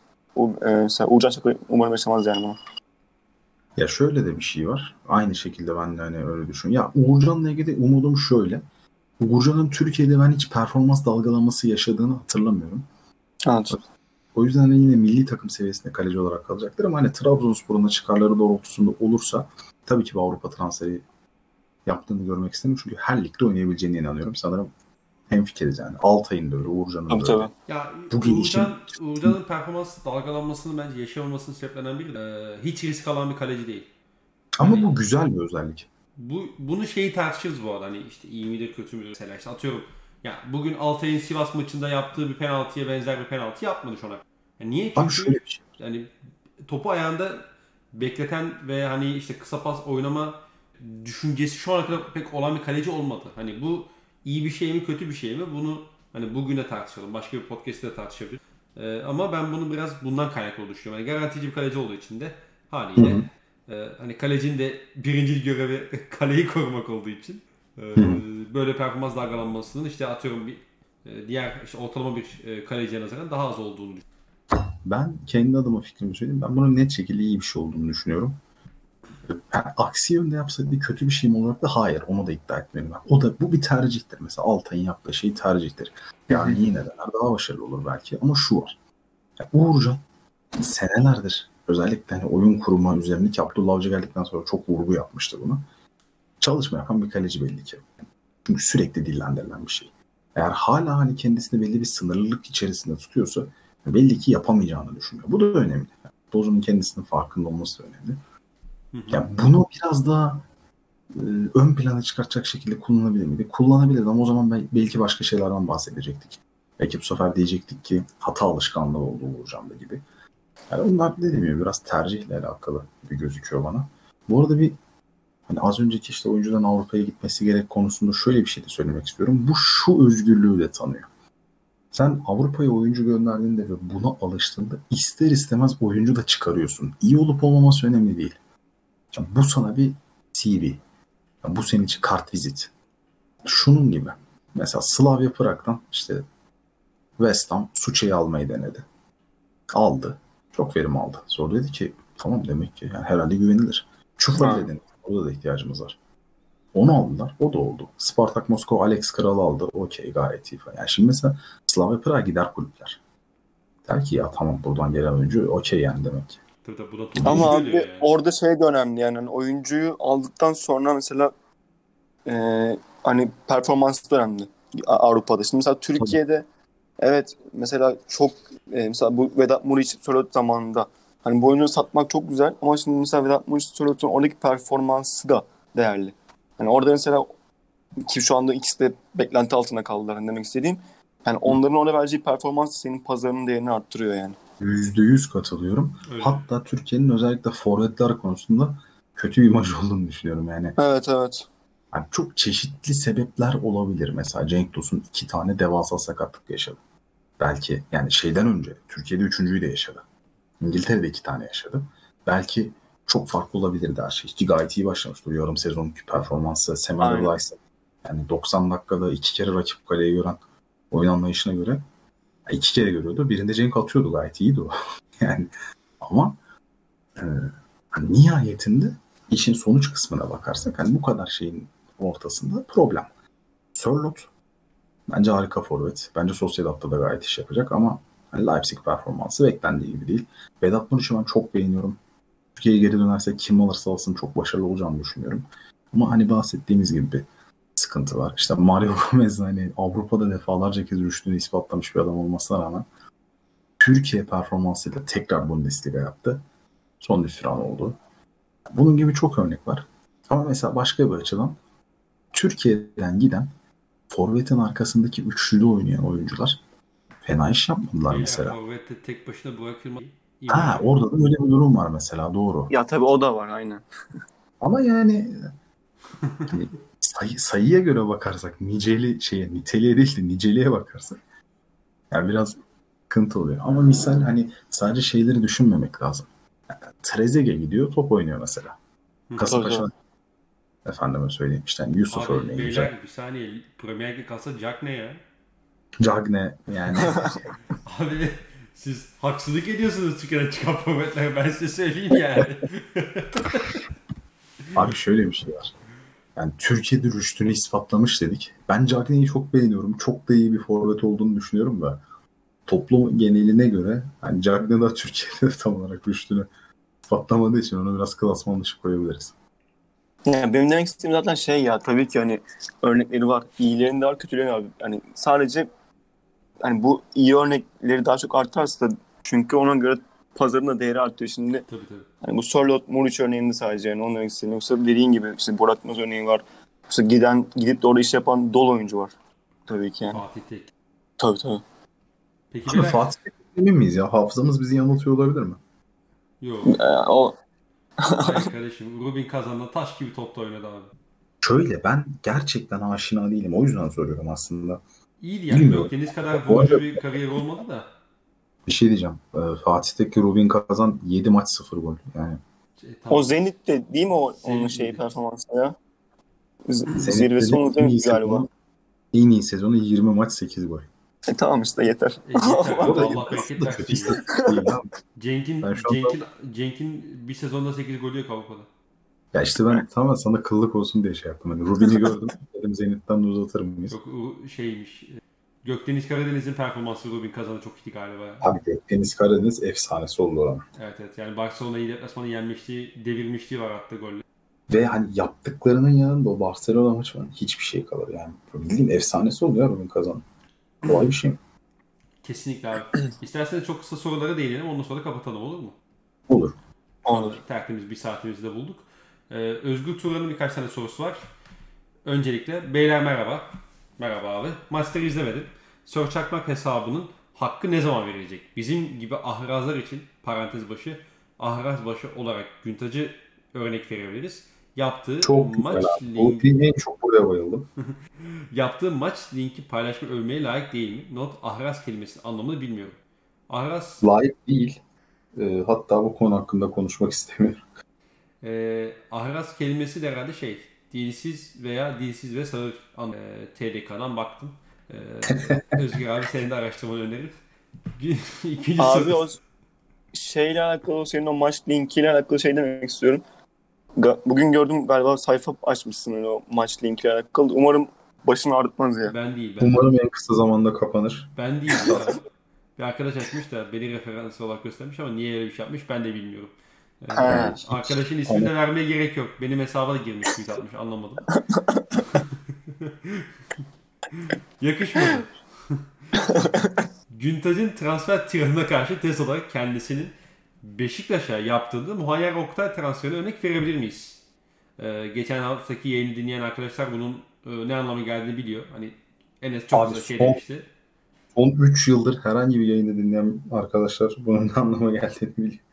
Çünkü yani adama sallamadığımız tek yayın kalmadı. Yok transfer tiradı de na vurgu yaptı ya şey Özgür Turan. Ha, Geçen yayında evet. onu ben ona şey yaptım aslında. Onu refere etmeye çalıştım. Orada işte Enes'in şeyi var. İşte transferin doğru bir transfer olmadığını aslında başlangıçtan sonuna kadar o sürecin sonunda yorumlayabiliriz demişti. E bu ıı, şeye bakacak olursak yani o tirada karşı Muayyer Oktay facia bir transfer oldu. Şu anda adam kayıp bilmiyoruz nerede yani. O yüzden Doğru mu anladım? Şey mi diyoruz? Ulan bu işi de senden öğrenmeyelim. evet Baktığımız nokta bu mudur? Doğru mu anladım? imza, kaşe, mühür. Nasılsa yok arkasından sallıyor. Tabii tabii. Ya, Son sorusu. canım.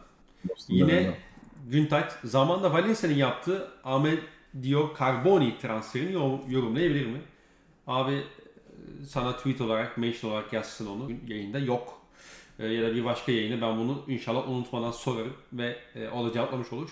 E, birkaç tane daha soru vardı. Hemen onları da hızlı hızlı değinelim. E, Alper'in de Valencia, Valencia'nın bu karbonili kadrosu hayatımda hatırladığım yani ben küçüktüm o zaman ama en korkutucu şey olabilir ya. Yani acayip bir mesai atmosferi. O dönem sürekli Türk takımlarıyla oynuyorlardı. Ondan da olabilir. Evet evet. şey, Sergen Yalçın, şey, Panku'nun falan gol attığı şey değil miydi o? Onu ya işte Gençler Birliği'yle falan da oynuyorlardı. Ya inanılmaz korkutucu geliyordu.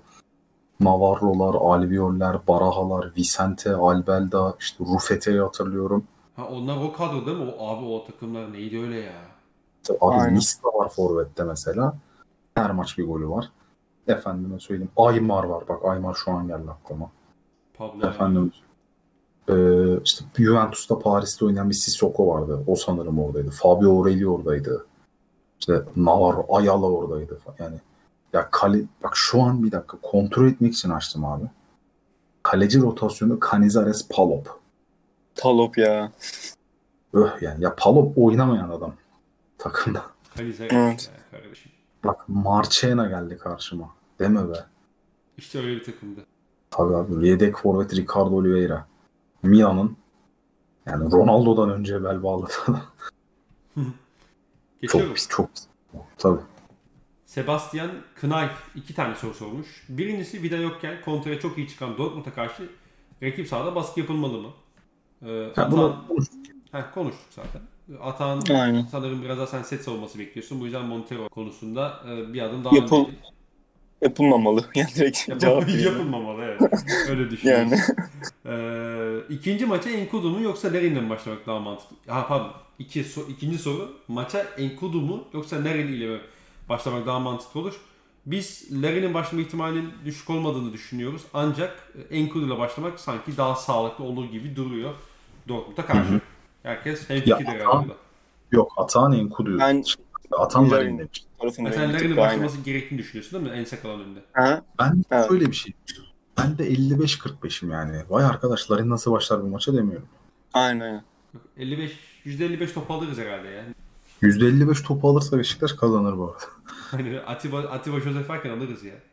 E daha ne o zaman niye oynanıyor? Enes Güntekin'e selamlar burada.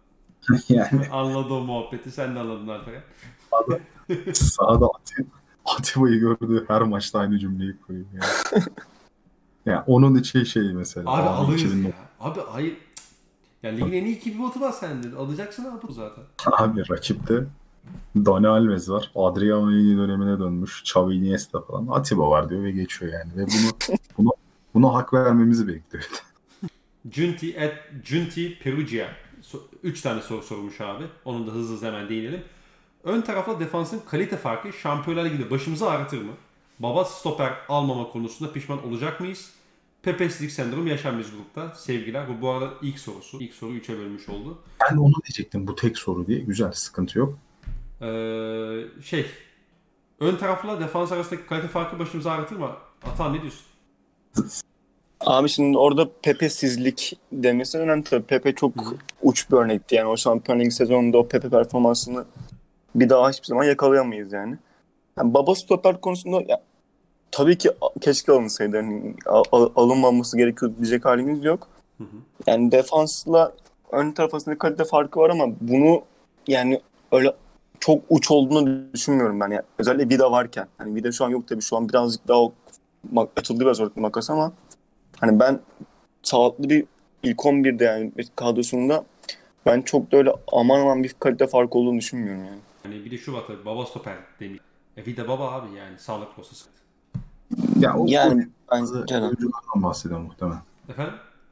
Godin tarzı oyunculardan bahsediyordu. Eyvallah muhtemelen. kardeşim. Şurada şaka yapmamın bir artık yayından. Bir açıklama daha yapayım istersen. Ramos tarzı oyunculardan. Tabii. Yapayım mı bir tane de? Yok gerek kalmadı kanka. Pepe, Zaten Pepe de var. Pepe'de. Ben ben Enes'i kudurtacak bir cevap vereyim.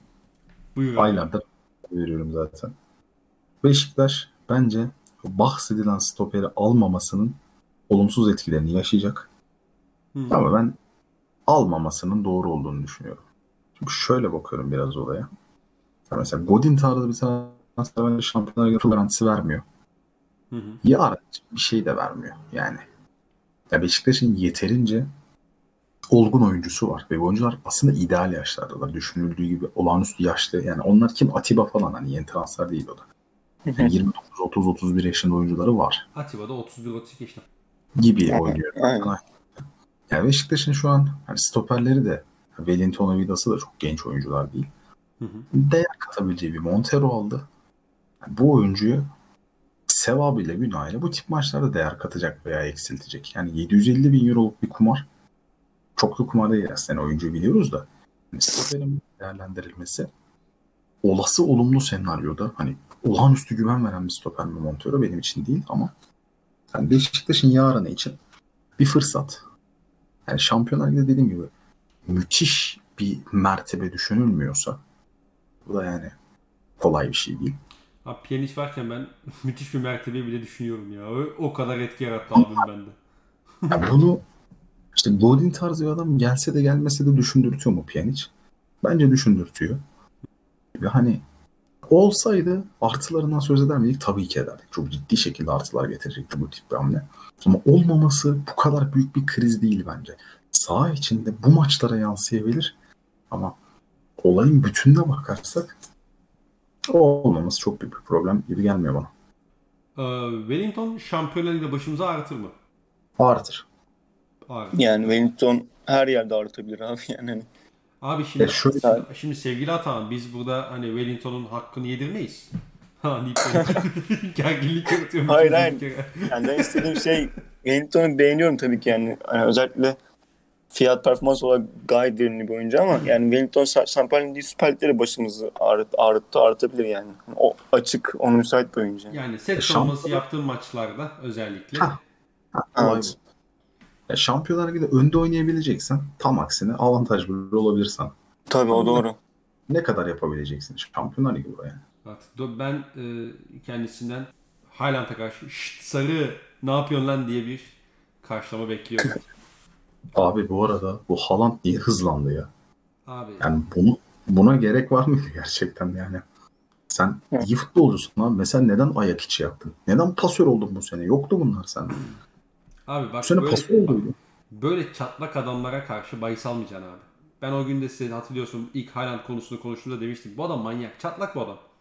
Bu adam yok şunu şu yok böyle yamuk koşuyor. Yok işte hafif kamburluk var bunda. Yok ayak içi yok. Abi bu adam bunları geliştirir. Kafası çatlak çünkü bu adam. Abi hem öyle hem de ben o zaman çok rahat bir şekilde bahis almıştım ve süper topçu olur demiştim. Bunun gururunu da sonuna kadar Bir yaşayacağım. sen, bir dakika kardeşim o gün aranızda en olumlu yaklaşan bendim. Enes Hiç alakası Nasıl hiç yok. Ben alakası yok? Aa! Haaland'ı o gün o gün Aa! benim FM'deki prensim diye savundum. Ve ben Haaland'ı 3 maç falan izlemiştim. O yüzden Abi yani Orada- bakın bazen hissediyoruz böyle şeyleri. Hani ben mesela işte Tabii, toptan çok anlıyorum falan tarzı bir iddiam yok kesin. Ama bazen topçuyla alakalı nokta atışı hissiyatlarım oluşuyor benim. O günde demiştim sana- ki bir dakika o günde demiştim ki ben çocuğu izledim. Çocuğu gördüm. Gözümün önünde oynadı. Belçika'da. Schenk deplasmanında. Bu çocuğun gözündeki ateşi ben aleve aldım. Hissettim, gördüm orada. Bu çocuk olacak dedik. Enes'in orada türlü şakalarına, işte türlü dalga geçmelerine Hangi maç kaldım. o ya? Belçika seyrettin. Henk Salzburg. Ha. Ee, Hank mi? Henk. Hank ne ya? Genk kardeşim, Genk. Yani Allah aşkına bu adam Ağız alışkanlığı, Karşımızda- ağız alışkanlığı kardeşim. Hayır. Bir diğer soruya. Karşımızda karşımızda seal atıyor Hank diye ve biz bunu normal karşılıyoruz. Yani boğazını temizliyor ve biz Henk.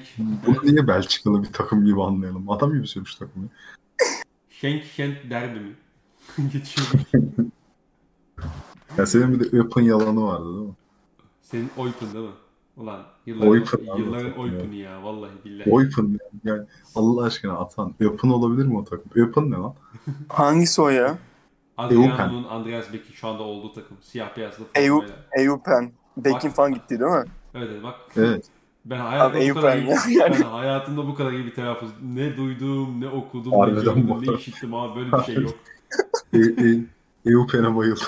A- a- aynen aynen böyle Flemenkçe Yani, yazıldığı gibi okumuyordur ya. yani Cerç ile Brukke tarzı. Yeni alternatif. Neyse ya bize de yayını yapmak için malzeme çıktı Atan. Sağ olasın. Tabii. PS, PS ve Eindhoven tarzı. Sevdim yani. BDK'ya gireceğim ben. O da sesli şey vardır. Abi Sabri Uga'nın bak çok güzel bir şey geldi aklıma. Sabri Aynen. Uga'nın sunduğu Şampiyonlar Ligi özelde Cumartesi saat 13 Star TV. aynen öyle. 12.45 lütfen. 13. 12.45. Ben 13'te oturuyordum başına evet. Ya sen ilk sen Porto maçlarını kaçırıyor musun? sen Carbonelli Valencia'yı izlemiyormuşsun ki demin sustun yani kadroyu sayarken. Abi orada Ajax'a Ajax demesine acayip kuruluyordum. Yani çok sinirim bozuluyordu ve ağlıyordum böyle. Anne Ajax demiyor falan tarzı. Bu Eupen beni o günlere götürdü. Yılların, Tüm ayak, geçmişini yılların ayaksı anlattı. Teşekkür ederim. Ne yani? Yılların ayaksı. Aynen öyle. Benim için Ajax. vallahi artık ikinci hafta gösterirler kanka Ajax mı Ajax mı? Hmm. İkinci hafta Ajax mı var? Evet. Aynen. Ne oldu kanka Ajax? dedi. Son maç mı? Son maç Ajax. Yok hayır. Dortmund'da. Son maç Dortmund. Ne kötü lan. Abi, Aynen öyle. Biz Çok kötü biliyorsun ha. yani e, son hafta Almanya'ya gittik e, gidince genelde garantilemiş bir de kadro için. E, İnşallah. Benzer bir senaryoyu temennimiz burada da görürüz diye düşünüyorum. Abi Evet. şöyle bir şey hayal etsenize. Mesela Mukoko inanılmaz bir top oynuyor. Bu maça kadar az forvet oluyor. Dortmund o gün rotasyon yapıp yine Haaland'la çıkıyor falan. Şöyle bir şey hayal o, etsenize. o nasıl bir senaryo? Şu anda bu geldi bilmiyorum yani. Abi Haaland'ın Beşiktaş'a gelmiş diye yorumladım ya. Ya bak şeyin başında Sinan Çetin'i andık. Böyle düşünceler gelmeye başladı. Selam olsun kendisine. Aynen öyle. Sabri Gan'a selamlar. Tabii tabii. Bizi dinliyorsun. özel programını özellikle özledik. Ee, üçüncü sorusu Cünti, Perugia'nın. Ee, ne topçuydu bu. Ee, Pjanic, Gezel, Alex üçlüsünün birlikte Mayas tutarsa ligde bambaşka bir şeyler izler miyiz sizce? Abi bunun herhalde fragmanını biz hafta sonu görmüş olduk. Ne diyorsunuz? İz, izleriz yani direkt. Cevap. Alex daha top oynamıyor. Yani Alex sahada olduğu sürede de henüz top oynamıyor. Çünkü sahada olduğu sürede de sakatlığını hissediyor. Sağlıklı değil abi ya. Evet yani o sağlığa kavuşursa gerçekten ayıp güçlü olur ama yani bu tip maçlarda daha fazla fark yaratırlar. Çünkü Malatya'nın oyun tarzı ben Adem ve Tette'yi şişireyim onlardan sekenlerle yerleşeyim. E Tette de yoktu yani topu daha kolay kazanabildiğim takımdı. Bu tip maçlarda daha fazla hissedilir. Ama işte Evet. Alex'in sağlığı lazım. Yusuf Ahmet bir soru sormuş abi. Aslında biraz daha derinlikli bir konu o. Ee, genel olarak bir Oğuzhan Özyakup kariyer değerlendirmesi alabilir miyiz ya? Bu Biraz uzun süre belki ama kesip atmadan bir Oğuzhan Özyakup değerlendirmesi dinlemek isterim sizden. İyi yayınlar seviliyorsunuz. Abi sen de seviliyorsun ama lütfen şeyini değiştir. Mesut Özil e, header'ını değiştir. E, hatta LeBron'la profil fotoğrafını değiştirebilirsin. Naçizane tavsiye. E, Oğuzhan konusuna başka bir yayına girelim mi? Yusuf Ahmet'e daha sağlıklı, daha net cevap Abi. vermek için. Oğuzhan Özakup dersen bugün sabaha karşı sürer ya. Yani. Evet, o yüzden çünkü o yüzden yani Yani öyle, biz feda öyle bir yara gireriz. 18-19'dan çıkarız. Çok tat tuz kaçar yani. Ha, Oğuzhan Özyakup gerçekten durduk yere uyku kaçırır gerek yok böyle şeyler. Yani yüzden- sadece şunu söylemek istiyorum Oğuzhan Özakup abi niye yaptın ya? Yani hakikaten nasıl başardım bunu Abi. yapmayı yani? o öyle bir sordun ki hani sanki niye yedin lan hani Abi abi başka, yani nasıl, nasıl başka, başardın? başka yemek mi yoktu da niye şey yedin? Yarasa yedin Hani- adam. Hani Can, Can'ın Mehmet Topal'ın bile arkasına düştüğün yani nasıl oldu bu? Bunlara da biz e, Yusuf Ahmet'e sözümüz olsun. E, İlla ki bu konuyu derinlemesine konuşacağımız e, dönemler podcastlerde olacaktır. Ama hani hem işte Alperen'in de biraz acelesi var biliyorum. E, hem de gecenin şu anda Türkiye saatiyle 1.45'i. E, Abi estağfurullah benim acelem falan kalmadı yani. Kalmadı mı? İstiyorsan konuşalım kardeşim. Buyur anlat Oğuzhan Özcakup'u. Falan diyor. Ben o 12 çeyrek gibi bir saat sürmesin demiştim. Saat 2 oluyor. Sence acelem Kardeşim, kalmış olabilir. kardeşim podcast normalde bir saatte bitmişti. Ama işte sorular e, insanlar tevazu göstermiş. Soru Tabii sormuş. Ay, istiyorsan bir daha sormayayım abi. Hatta tweet atmayalım yani. Sen gerçekten berbat bir adamsın. Yani kurnazısın bu işin. Senin oyunlarına düşmeyeceğim. Abi, resmen Abi bence Abdullah Avcı Bu gibi. saate kadar tuttuk ve bütün soruya cevap verdik. Bence bu soruyu da geçmek olmaz. Alperen bize bir kısa bir Oğuzhan versin ya. Hadi bakalım. Hemen başlıyorum. Oğuzhan Özcakup. Bir kısa Oğuzhan ya. Hemen başlıyorum. Bundan 9 sene önce benim bir arkadaş, bir tanıdık, Beşiktaşlı bir arkadaş. O zamanlar lise ikiye gidiyor. Ciddi şekilde böyle hayatında problemleri var. Ailevi olarak okulla ilgili şudur budur falan. Zaten ergenlik sıkıntı işte yakınlarını kaybetmiş, şu olmuş, bu olmuş falan. Hayatta tutunacak bir dal arıyor. Bir gün Samet Aybaba ya ben bu İbrahim Torab'ın orta saha oynamaktan, oynatmaktan vaz mı geçsem diye düşündü. Orta sahaya böyle garip tıraşlı bir çocuk koydu. Abi o andan başlayarak takribi 2018 yılına kadar falan bu çocuğun yaşama sevinci geldi. Acayip bir keyif böyle yani sahada izlemekten inanılmaz derecede zevk alınan bir oyuncu. İşte en kötü dönemi bile ayrı keyif katıyor. Sahada her zaman bir fark yaratıyor. En gönderilsin muhabbetini yapıldığı zaman bile savunulacak bir oyuncu ve nihayetinde bu oyuncu gözünün önünde büyüyor, büyüyor, büyüyor. İki şampiyonun kaptanı oluyor. Öyle bir şey izlemek çok büyük bir keyifti. Neden? Çünkü olmuş bir oyuncu değil, burada olan bir oyuncu. Yani burada olan bir hikayenin feda dönemi gibi bir dönemin bir numaralı resmiydi aslında Oğuzay'la birlikte belki. Yani neden? Çünkü feda dönemi vaat edilen şeyin vücut bulmuş haliydi. Ve hani bir şey kavgasıydı. İdeal futbol bu mudur, o mudur kavgasıydı. Yani ikiliyi de buradan oluşturuyordu. Yani Oğuzhan'ın hayal ettirdiği noktaya bence geldi bu arada aslında gelmedi değil de.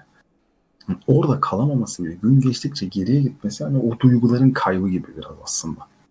Yani o hislerin kaybı. Çünkü gözünün önünde büyüyen bir oyuncu olduğunda yani en başından sahiplenip en son keyfini sürdüğün bir oyuncu olduğunda yaşattığı hayal kırıklığı da büyük oluyor. Verdiği üzüntü de büyük oluyor. Yani hepsinden önemlisi kendinden hissettiğin bir şey kaybediyorsun sahada. Ya bence Oğuzhan'ın verdiği mutluluk da sonrasında geri aldığı mutluluk da benim Beşiktaş arkadaşım için yani onun açısından buradan okunabilecek bir şey.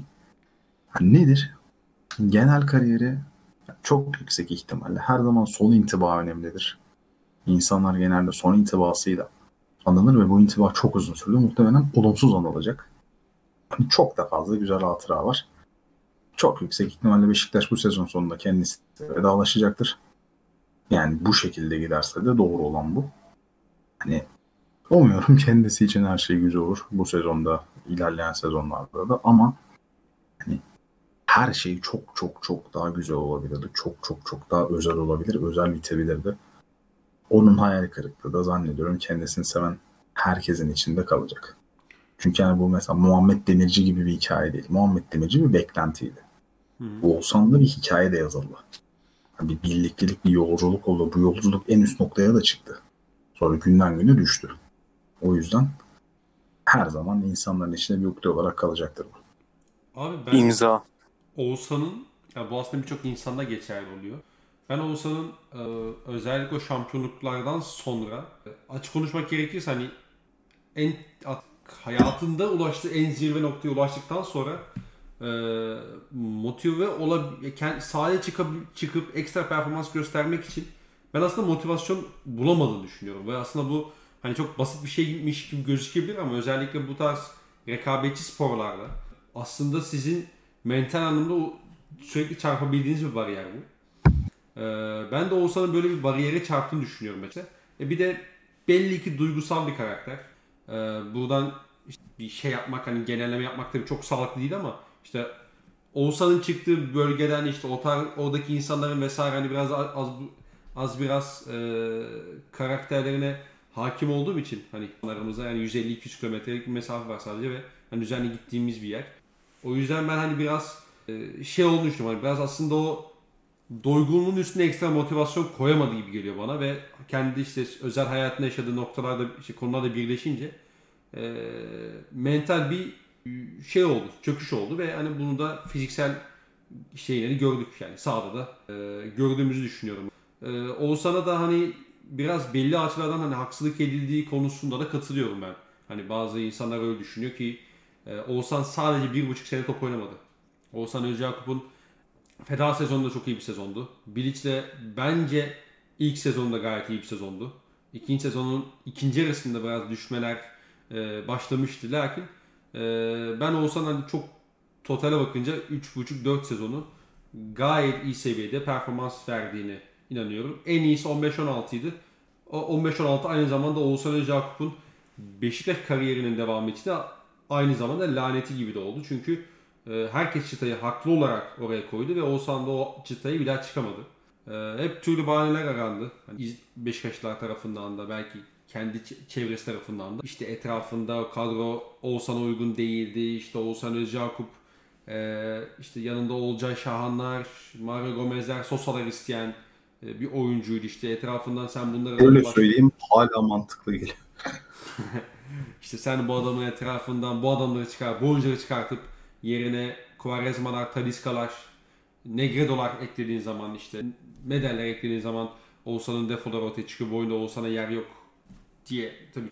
Ama bunlar Oğuzhan'ın aslında ne kadar geriye gittiğini de biraz maskeleyen argümanlar, bahaneler oldu. Ama herhalde herkes artık Oğuzhan Özcak'la alakalı seveni de sevmeyeni de e, beklentiyi e, çok ne derler hani azami seviyeye çekmişe benziyor diye düşünüyorum ben. Azami kelimesini ilk defa. Ee, onun dışında şu var. İnsanlar niye Oğuzhan'a tepki gösterdi? Çünkü Oğuzhan'ın beklentisi vardı. Bunu iyi iyi okumak lazım. Ee, sevenler de niye seviyordu? Çünkü Oğuzhan güzel şeyler sunmuştu saha içerisinde. İyi de bir karakterdi. İyi de bir karakter hala kadro. Ama dediğim gibi özellikle 15-16 sezonundaki o olağanüstü performansı e, bence onun aynı zamanda laneti de oldu. O top seviye bir daha erişilemez bir nokta haline geldi Oğuzhan için ve oraya çıka- tekrar çıkabilmek için de belki de e, başka bir yeni bir motivasyon bulamadığı için e, fiziksel olarak da mental olarak da her geçen sezon geriye gitmeye başladı ve e, bu noktaya geldi. Sadece bir şeyi söylemek istiyorum. Benim bugüne kadar en katılmadığım Oğuzhan eleştirisi büyük maçlarda hiç top oynamadı. Bütün maçlarda en kötüsüydü falan olay oldu. En basiti Beşiktaş'ın şampiyonluğu aldığı büyük maçı çözen adam Oğuzhan. Yani gerçekten boş kaleye topu bırakan Gomez olduğunu düşünmüyoruz değil mi arkadaşlar? Yani, yani acayip bir ara pasıyla. Yani Aynen. bir olsan iki Cenk'tir yani. yani o pozisyonun şeyi. Veya ne bileyim mesela Fenerbahçe derbisi iç sahada 3-2 biten maç. Olimpiyat. Attığı pasın asist veya gol karşılığı, sayı karşılığı olmadığı için küçük gözüküyor ama yani takım tamamen böyle durmuşken, kontak kapatmışken bir aksiyon oluşturuyor ve aksiyon golle bitiyor.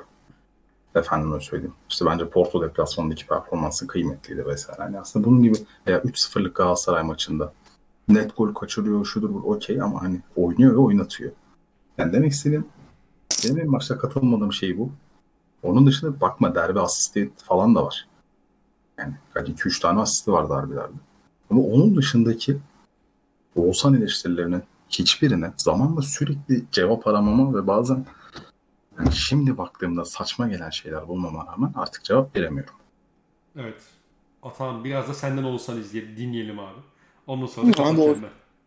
Aynen zaten çok uzatmayacağım ben de. Hani Alperen'in anlattığı hani arkadaşından bahsetti ya. Hani bir an ben sandım yani. o kadar diyeyim. Abi anlatırken ben de ben sandım bu. Yani Abi anlatırken ben de ben neyse.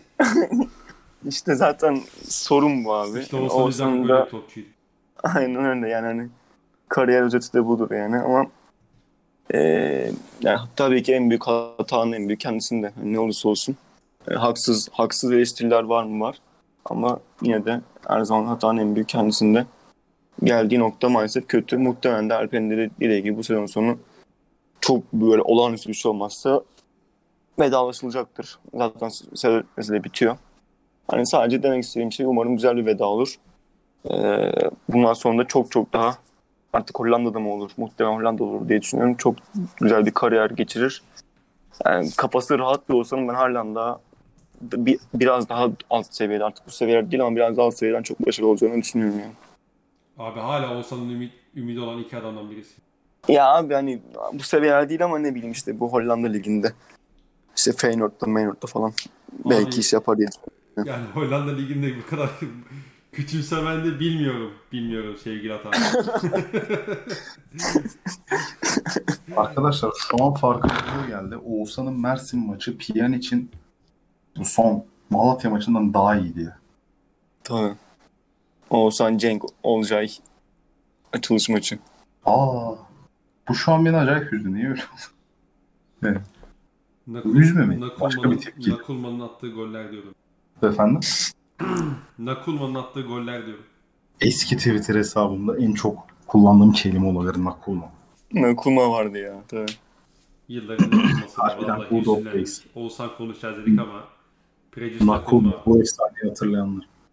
Seneye şeyle tweet atıyorsun değil mi? Miralem Pjanic. Bu efsaneyi hatırlayanlar. Pjanic bence kalacak ya. İşte o yüzden. Mesela nereye gidecek ki Pjanic? Abi adam her sene kariyerinde belli bir seviye atlamış yani. Kariyer zirvesine doğru. Ee, yani gidecek ne, nereye var abi yani? Bence Yani burası bunun bir üstü- şey yani Kuma'nın Barcelona'da kalması lazım bu arada. Ha, aynen aynen. Kilit, nokta Kuman kal abi. Kuman Barcelona'da kalmasa bile bence Pjanic kalmaz Barcelona'da. Ya ben hem Pjanic'in de Batshuayi'nin commitment çok düşük görmüyorum ya. Şampiyon Ben- olmak çok kritik. Ya, yolun sonunun nasıl geleceği önemli. Evet evet kesin. Aynen öyle. Yani geçen sezonki gibi bir şey yaşanırsa ben ikisini de hani Gezal ve Rozier'de olduğu gibi ben kalma şanslarını görüyorum ya. Ya mesela bence Rozier'in kalma ihtimalinden daha düşük değil bunlar. Çünkü neden? Ya Batshuayi bir seviyeye gelmiş. Ondan sonra o seviyede kalmayı ya da o seviyenin bir altında tutunmayı defalarca kez denemiş bir oyuncu. Ya almak isteyen takım düşünecek. Hı hı. Palace var, Valencia var. İşte Chelsea'de denemeleri var, şudur var, budur var bilmem ne falan. Hani o yüzden mesela olağanüstü rağbet geleceğini düşünmüyorum. Gelse bile hani oyuncunun aklında ya acaba kalsam mı düşüncesinde olacağını düşünüyorum. Her şey iyi giderse.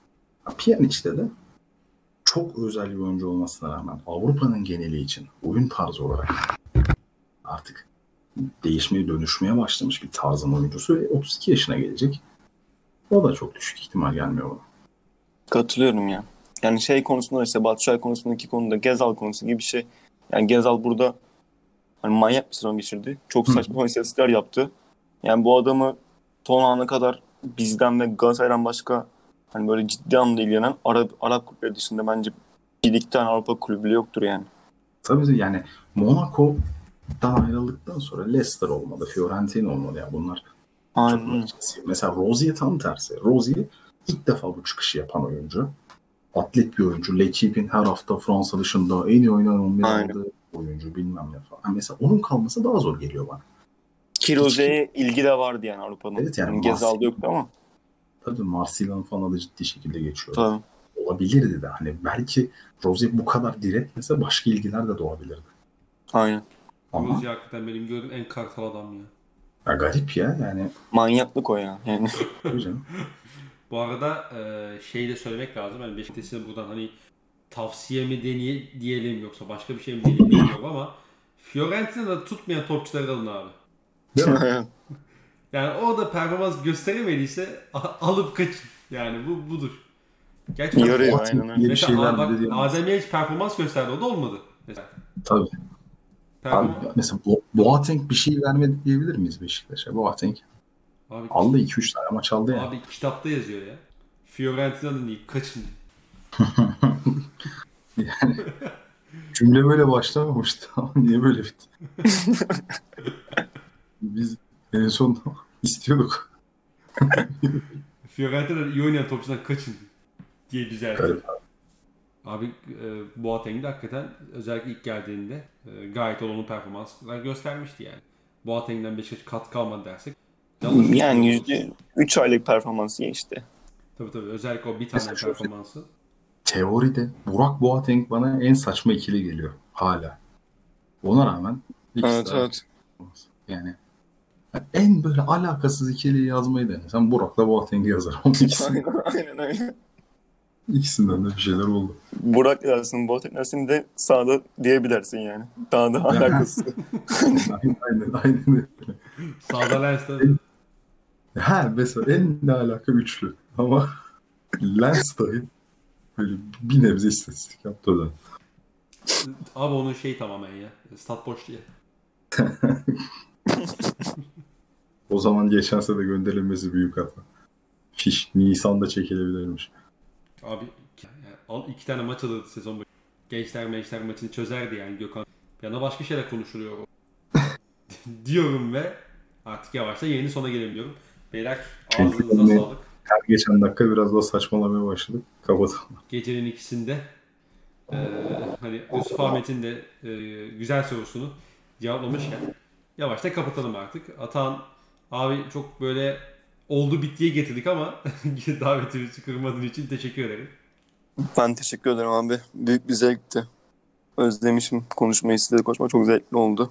Dinleyenlere teşekkürler. Aynen öyle. Senin de tabii e, bundan birkaç yıl önce yaptığın podcastleri de hatırlıyoruz. Teşekkürler. Onları da seve seve dinliyorduk. Hatta ben birkaç tanesini de böyle canlı YouTube'da dinlemiştim. Alperen hatırlıyor musun? Evet, evet, evet. Soru falan Ee, soruyordum. Alperen'e, Alperen'e yazıyordum. Şeyde YouTube yayında şey yapıyordum işte yorum atıyordum. Alperen de kendi yorumuymuş gibi. Ondan sonra da düşünüyordum ulan bunu niye kimse dinlemiyor yani adam yorum. Ondan sonra Adam podcast niye o kadar erken bitti değil mi? Bak, diye program yapıyoruz Avrupa futbolu. Adam yoruma open yazıyor. Ben de öyle söylüyorum. Sonra millet diyor ki ulan diyor bunlar daha adını söylemeyi bilmiyor.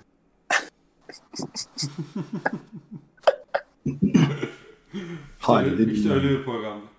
Ee, Atan'a tekrar teşekkürler. Beyler varsa son birer cümlenizi alayım. Alperen'cim sana da e, teşekkür ediyorum ayrıyeten de vakit ayırdığın için. Ee, varsa son birer cümlenizi alayım ondan sonra da kapatalım. Teşekkürler. Teşekkür ederim. Evet. Tandem Podcast'in bu bölümünün de sonuna geldik. Dinlediğiniz için teşekkür ederiz. Bir sonraki yayında görüşmek üzere. Hoşçakalın. Hoşçakalın.